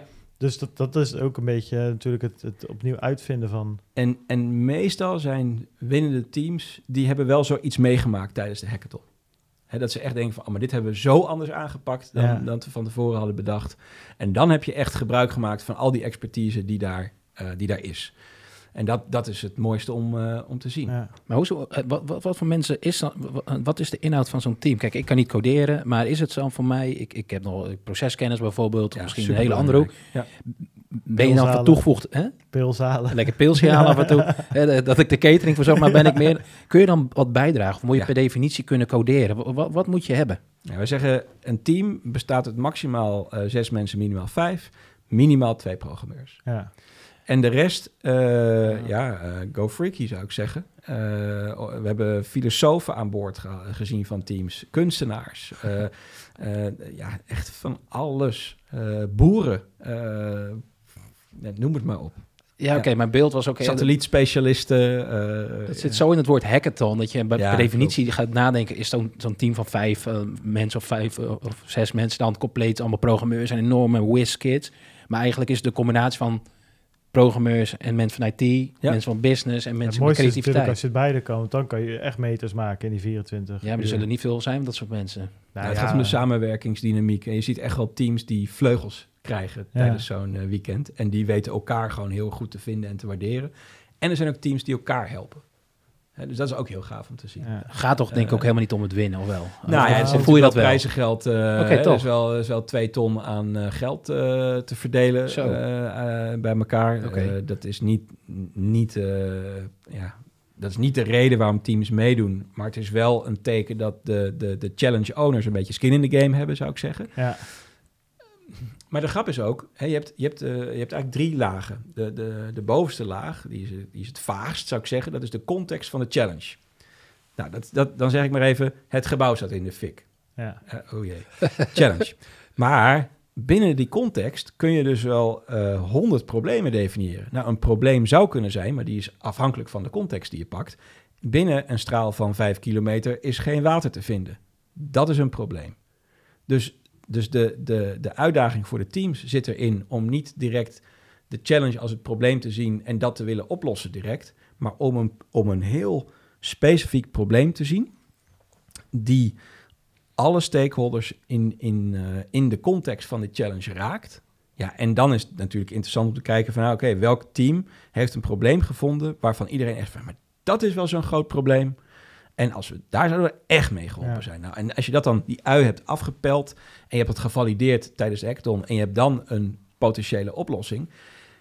De, de winnende teams worden zelden gekozen op de meest briljante oplossing, maar vooral omdat ze die, de, de, probleem, de probleemstelling op de juiste manier hebben gedefinieerd en gezegd, nou, onze eerste stap in de ontwikkeling van een prototype is geweest dit. Ja. Want we hebben zo en zo en zo uh, uitgevonden tijdens de hackathon. Ja, ik kan me ook wel voorstellen, ik heb wat filmpjes gezien, zeg maar, het is natuurlijk zo'n grote fabriekshal-achtig Ja. ding, helemaal donker, allemaal lichte, enorme eh, beamer-effecten. Ik kan me zomaar voorstellen, maar dat, projecteer ik even op mezelf. Als ik er zou zitten, met, met, met vijf Red Bull in mijn mik ergens om, eh, om, om, om drie uur s'nachts, weet je wel, dan zou ik wel willen winnen hoor, Wijnand. Ja, dat, eh, dan, dan, Ja, dan, iedereen is wel heel fanatiek. Dat is Ik ook bedoel, mooi om te zien. Dat, Maar ik snap- dat, dat komt ook een beetje door gewoon hoe een hackathon zit. Je moet 24 uur achter elkaar rammen, weet je wel. 48. 48 in dit Ja, geval. ja. Ehm, ja, kijk, weet je, als ik 48 uur lang achter elkaar eh, FIFA ga spelen op mijn PlayStation, word ik ook competitief op een gegeven moment, weet je wel. Want dat is het enige wat nog in je kop zit dan natuurlijk. Ja. Dus, eh, maar goed, anyway, inderdaad, het is natuurlijk niet, uiteindelijk niet alleen maar om het winnen. Doen jullie nog wat met, met, met de ideeën die niet eh, gekozen worden? Ja, zeker. Dat is ook het mooie, denk ik. Hè? Begonnen met dat ik op de Provada was geweest. Daar, daar stonden twee teams. Eh, dus eh, we zien heel vaak eh, nummers 2 en 3 en ook wel, ook wel lager in ranking, dat die nog hele goede opvolging Ja. krijgen. Dus wat dat betreft ehm, helemaal prima. Er is, net, er is ook een, een team, een nummer 2 team, wat net in een accelerator programma terecht is gekomen. En vorig jaar hadden we een healthcare track en daar is de nummer 4 heeft een eh, heel mooie eh, samenwerking met het eh, UMCG, het Universitair Medisch Centrum Groningen, en een aantal andere partijen eh, binnengehaald. Nou, dat, hè, zo, zo'n van hackathon naar de volgende deal, daar zit wel een aantal maanden tussen. Maar ja, toch, eh, ehm, eh, ja, dat, dat komt er dan wel mooi uit, zeg maar. Volgend jaar podcast track. Kunnen wij ook eh Zo. twee man team. het lijkt me wel gaaf als jullie erbij zijn. Ja, dat, dat spreken we dan bij deze af, dat we dat eh, Cool. gaan doen. Ik denk dat het, ja, we zitten al, we, we gaan als een gek. Ik ga hem nog niet afsluiten, Wijnand. Dus Oké, je, krijgt, eh, je, krijgt, je krijgt je kans, maar we gaan wel langzaam... Ja, ik heb hier nog zoveel dingen. Ik heb artificial general intelligence, dat soort dingen. We nodigen je nog wel een keer uit, dan, dan duiken we dieper op, op de onderwerpen zelf in. Ehm, maar goed, go- gooi maar in. Nou, Maar- ik dacht als afsluiter inderdaad, waar, op welke... Ik weet niet of je dat wilt zeggen. Ik kan me ook voorstellen dat je niet anderen wilt afvallen. Maar op welke oplossing ben je nou zou je, ben je persoonlijk naar het meest trots? Ja. al die tracks die er zijn, er zijn behoorlijk wat. 100 teams, verschillende oplossingen, veel winnaars. Maar Wat op is nou welke... echt een aansprekende Bam, oplossing, inderdaad? Of Misschien, ja. Ja, wat, je- je begint de vraag al met eh, dat ik dan een andere teniet doe. Dat is, eh, ik zou iedereen willen uitnodigen om op eh, solutions.odyssey.org eh, te kijken. ja mooie Daar website staan, er staan de 20 winnaars, dank je. 20 winnaars op. En het is voor echt voor iedereen wat wils. Ehm, eh, of je het nou over de financiële boeg gooit met inclusive banking, of je kijkt naar digital identity, of eh, juist eh, naar eh, hoe betrek je zoveel mogelijk eh, mensen bij het bestrijden van een eh, ramp of een crisis. ja. En, eh, maar bijvoorbeeld, ja, weet je, eh, die jongens van, eh, van Crya, eh, die hebben in de Nature 2.0 eh, track, eh, hebben ze ook echt een bizar gave oplossing eh, gemaakt met een soort van digitale evolutie die ze hebben bewerkstelligd. Ja, eh, wat is dat nou weer, digitale evolutie? Maar dat machines dus kunnen besluiten om een machine die niet meer ja, die eigenlijk obsolet is geworden, dat die niet meer tot de vloot behoort of tot de zwerm behoort en dat die zichzelf moet gaan vervangen. Ja. Hè? Survival of the fittest for machines. Precies. ja, eh, deze ja. keer. Nou, dat, weet je, dat is gewoon far out. En, en eh, tegelijkertijd, als je kijkt, eh, ehm, ja, ook op de ene, weet je wat ik- wat ik ook wel, nou, dat is wel- wat ik ook wel gaaf vond, is dat er een, een team uit Berlijn meedeed van eh, Porsche, van Porsche Digital Lab. En, en ik vind dan wel mooi dat, dat Porsche dus eh, iets maakt met Vattenfall. Hè, wat in, eh, in, in essentie beschikbaar is voor alle energiebedrijven en alle automotive bedrijven. Waarmee je dus je, je, je, de batterij in je elektrische auto kunt toevoegen aan het grid. ja. Waarmee je dus piekproductie kunt opvangen. En ja, eh, vraag weer kunt leveren. Ja, en, en, en dat, dat geeft ook al aan dat jouw auto een eigen energiemarkt gaat worden. Waar partijen dus eh, energie kunnen neerzetten en vandaan kunnen halen. En waar je dus premiums kan, kan verdienen in die energiemarkt. En dan is de vraag van ja, eh, je, je asset, de auto wordt een markt. Ja. Dus alle assets worden markten. Nou oké, dat is een soort van paradigma waar je mee kunt werken. Want als je dan hebt over een huis. Nou, met kadaster, een data-ecosysteem rondom echte objecten. Ja, op welke manier gaat je huis zaken doen met allerlei andere partijen? Of een, eh, een bedrijfspand eh, of een fabriek. Nou, daar hebben we precies de- deze twee, eh, twee punten. Met die smart energy grid is natuurlijk zo dat dat met, met als je zeker wil gebruik wil maken van groene energie, vooral windmolen, zonne-energie, moet je dit doen. Want s'nachts Ja. schijnt de zon niet, dus je, je, moet, je moet ergens je energie opslaan. Mhm. Hebben we natuurlijk ook met Raymond van Eck van Powerpeers over gehad, hè, die dat ook willen inrichten, dat je peer-to-peer je energie kan verkopen. En Roelof uh, Reineman van uh, Eneco's voor mij. Ja. Daar hebben we het daar ook helemaal, helemaal over gehad. Maar dat tweede stuk, hoe kan je huis nou... Hadden het met, dat was met, met Marleen, uh, Marleen Everts van N-Exchange. Daar hadden we het over, van hoe kan je dat tokenizen? Dus een gedeelte van je huis, zeg uh, 25%, gooi je gewoon de markt op. En de andere Ah, ja, 75% ja, ja, ja. hou je zelf. Ja, dat is natuurlijk ondenkbaar nu. Uh, of dat is die paradigma shift. Maar Mm. dat, dat zijn inderdaad, dat zijn hele interessante dingen die, die, die spelen. Ja. Nou, nog, nog één leuke om te noemen is, uh, of nee, twee als het mag. Ja, tuurlijk. Uh, de, de winnaars van de. Moeten naar de reclames. Ja, ja, de boodschappen dus. Ja, ja. Time sticking. Nee, maar de, uh, de, uit de Scaling Wildlife uh, Challenge, dat, dat vond ik zelf wel heel gaaf. Want daar hebben we samengewerkt met het Prins Bernhard Natuurfonds en de Masrang uh, Foundation. En uh, mensen zoeken het maar eens op op YouTube. Willy Smits en dan uh, zijn TED-talk. Die gaf hij in 2009, toen het echt nog heel cool was, uh, zeg maar. Ja. En uh, deze Nederlander, die uh, is dus gewoon met ja, zeg maar bare hands, is die regenwouden aan het ontwikkelen op Borneo. en heeft een formule verzonnen, ontwikkeld in, in bijna 40 jaar tijd waarin je dus een veel winstgevender model heeft ontwikkeld dan, de, dan palmolie. Dus, dus aan de ene kant wordt het, wordt het oerwoud dus opgegeten door palmolieboeren. Ja. super corrupte bende. duurzaam palmolie bestaat gewoon niet. Het is een volstrekte illusie. Um, en hij heeft een model gevonden waarin de lokale bevolking gewoon twee tot vier keer meer geld overhoudt aan het, het, het uh, bepaalde landbouwtechnieken en uh, bosbouwtechnieken toepassen. Uh, waardoor het oerwoud weer terugkomt, of het regenwoud weer terugkomt. En dus ook weer plek is voor de orang-oetang. Ja. zo heeft hij ook al ruim duizend orang-oetangs gered. Nou, en, en dat was zeg maar het vertrekpunt van hoe kunnen we nou dit soort modellen schaalbaar maken. Nou, wat, wat is daar nou uitgekomen? Als winnaar is ook een, een team uit Berlijn overigens, Birdchain. En die hebben een uh, certificaat ontwikkeld waarmee je als, als organisatie, nou, in dit geval een NGO, maar dat zou je als bedrijf natuurlijk net zo goed kunnen doen.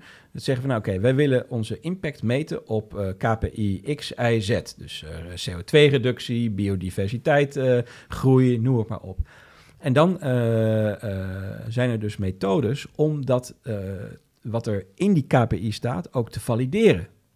Dus op basis van gevalideerde data, die KPI's ook gevalideerd maken. Wat dus eigenlijk het, het keurmerk zou kunnen vervangen.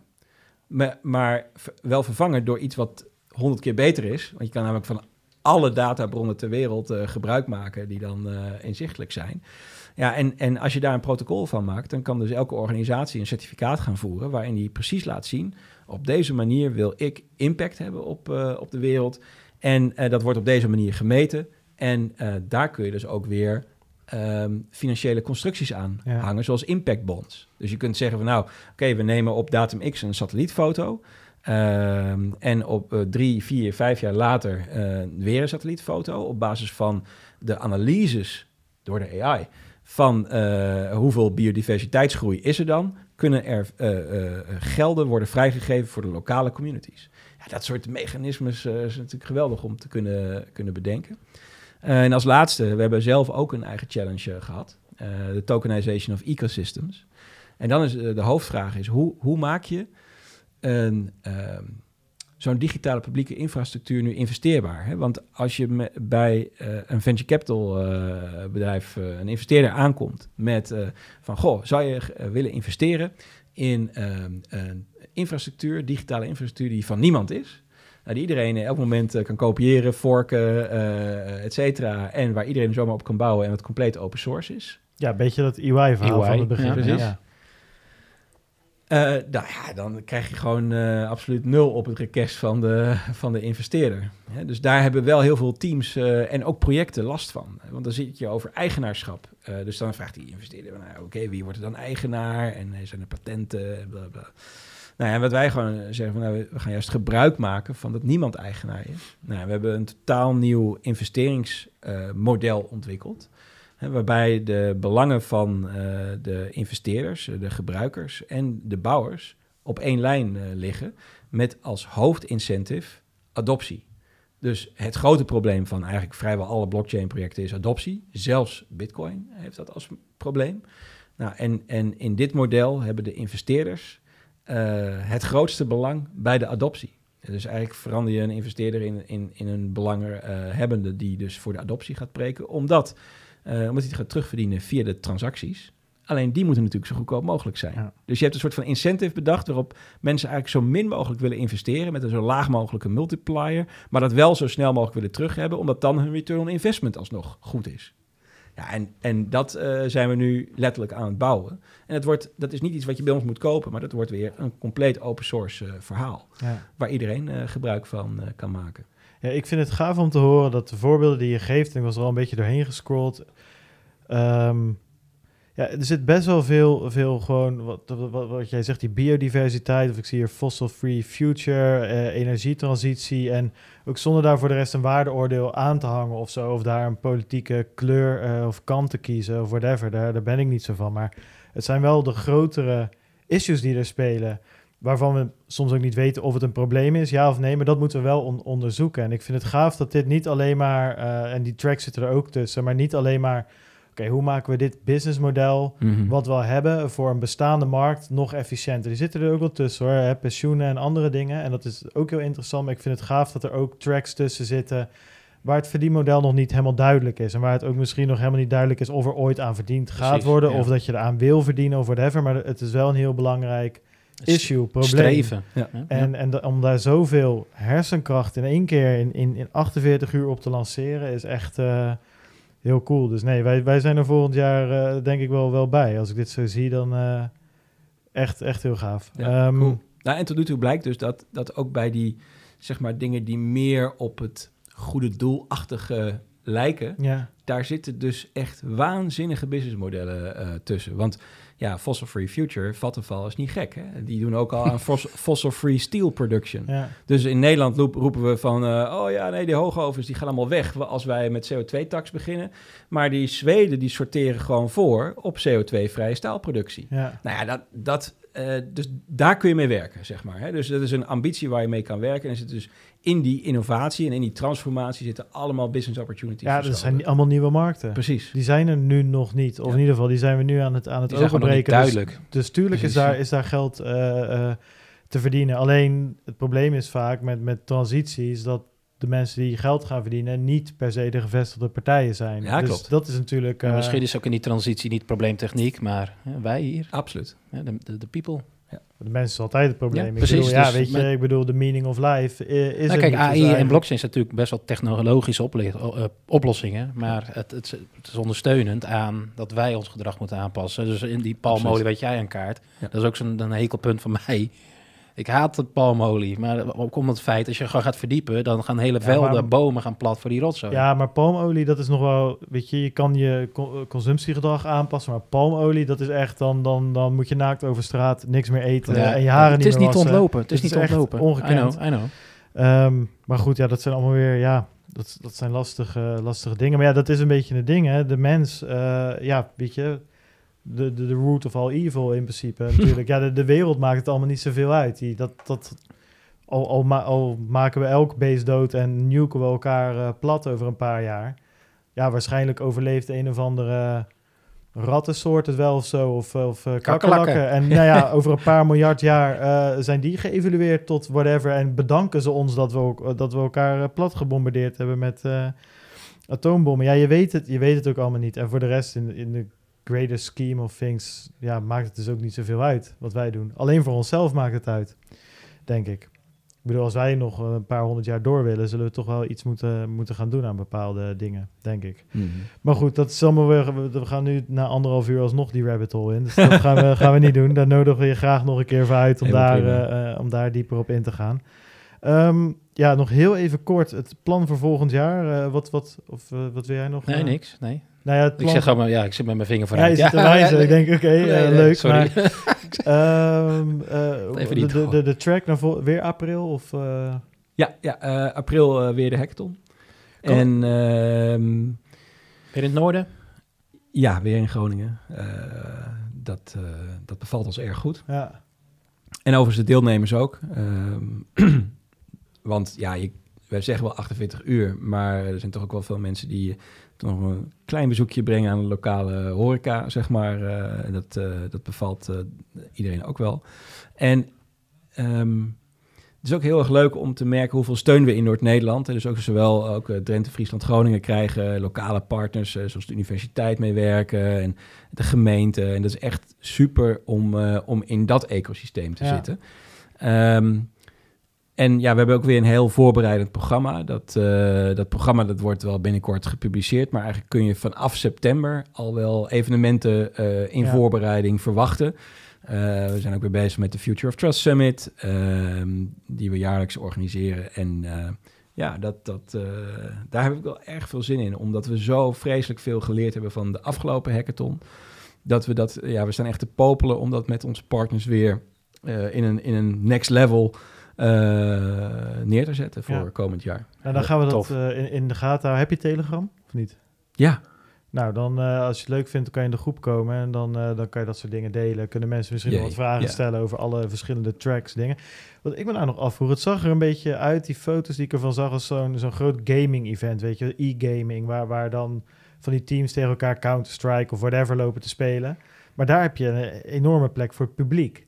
ja. Is, is dat iets wat jullie ook aan zitten te denken? Of, Ja. of, of dat er mensen gewoon ook kunnen komen kijken naar het hele spektakel zonder daar eh, eh, echt mee te doen, zeg maar? Nee, dat, dat niet. Eh, want dat leidt enorm af. En, Ja. en, eh, Er de valt ook niet zoveel te zien misschien als teams heel hard bezig zijn en je Precies. loopt... Ja. Ja, dat zou je ook denken bij e-gaming. Ja, nou, oké. Ja, Anyway. e-gaming is, Ja. zie je wel een iets ander resultaat natuurlijk van wat er gebeurt. Maar hier is het toch echt wel broncode en post-its Ja. en Ja. eh, een canvas. We hebben een speciaal canvas ontwikkeld eh, wat de teams gebruiken tijdens de hackathon.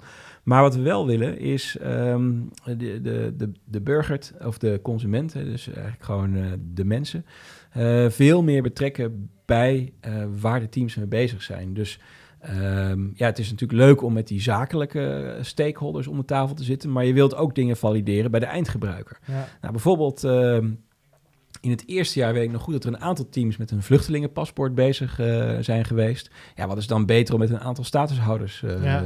om de tafel te zitten? Ja, ja, ja. En dat willen we volgend jaar wel echt veel meer naar de voorgrond eh, brengen.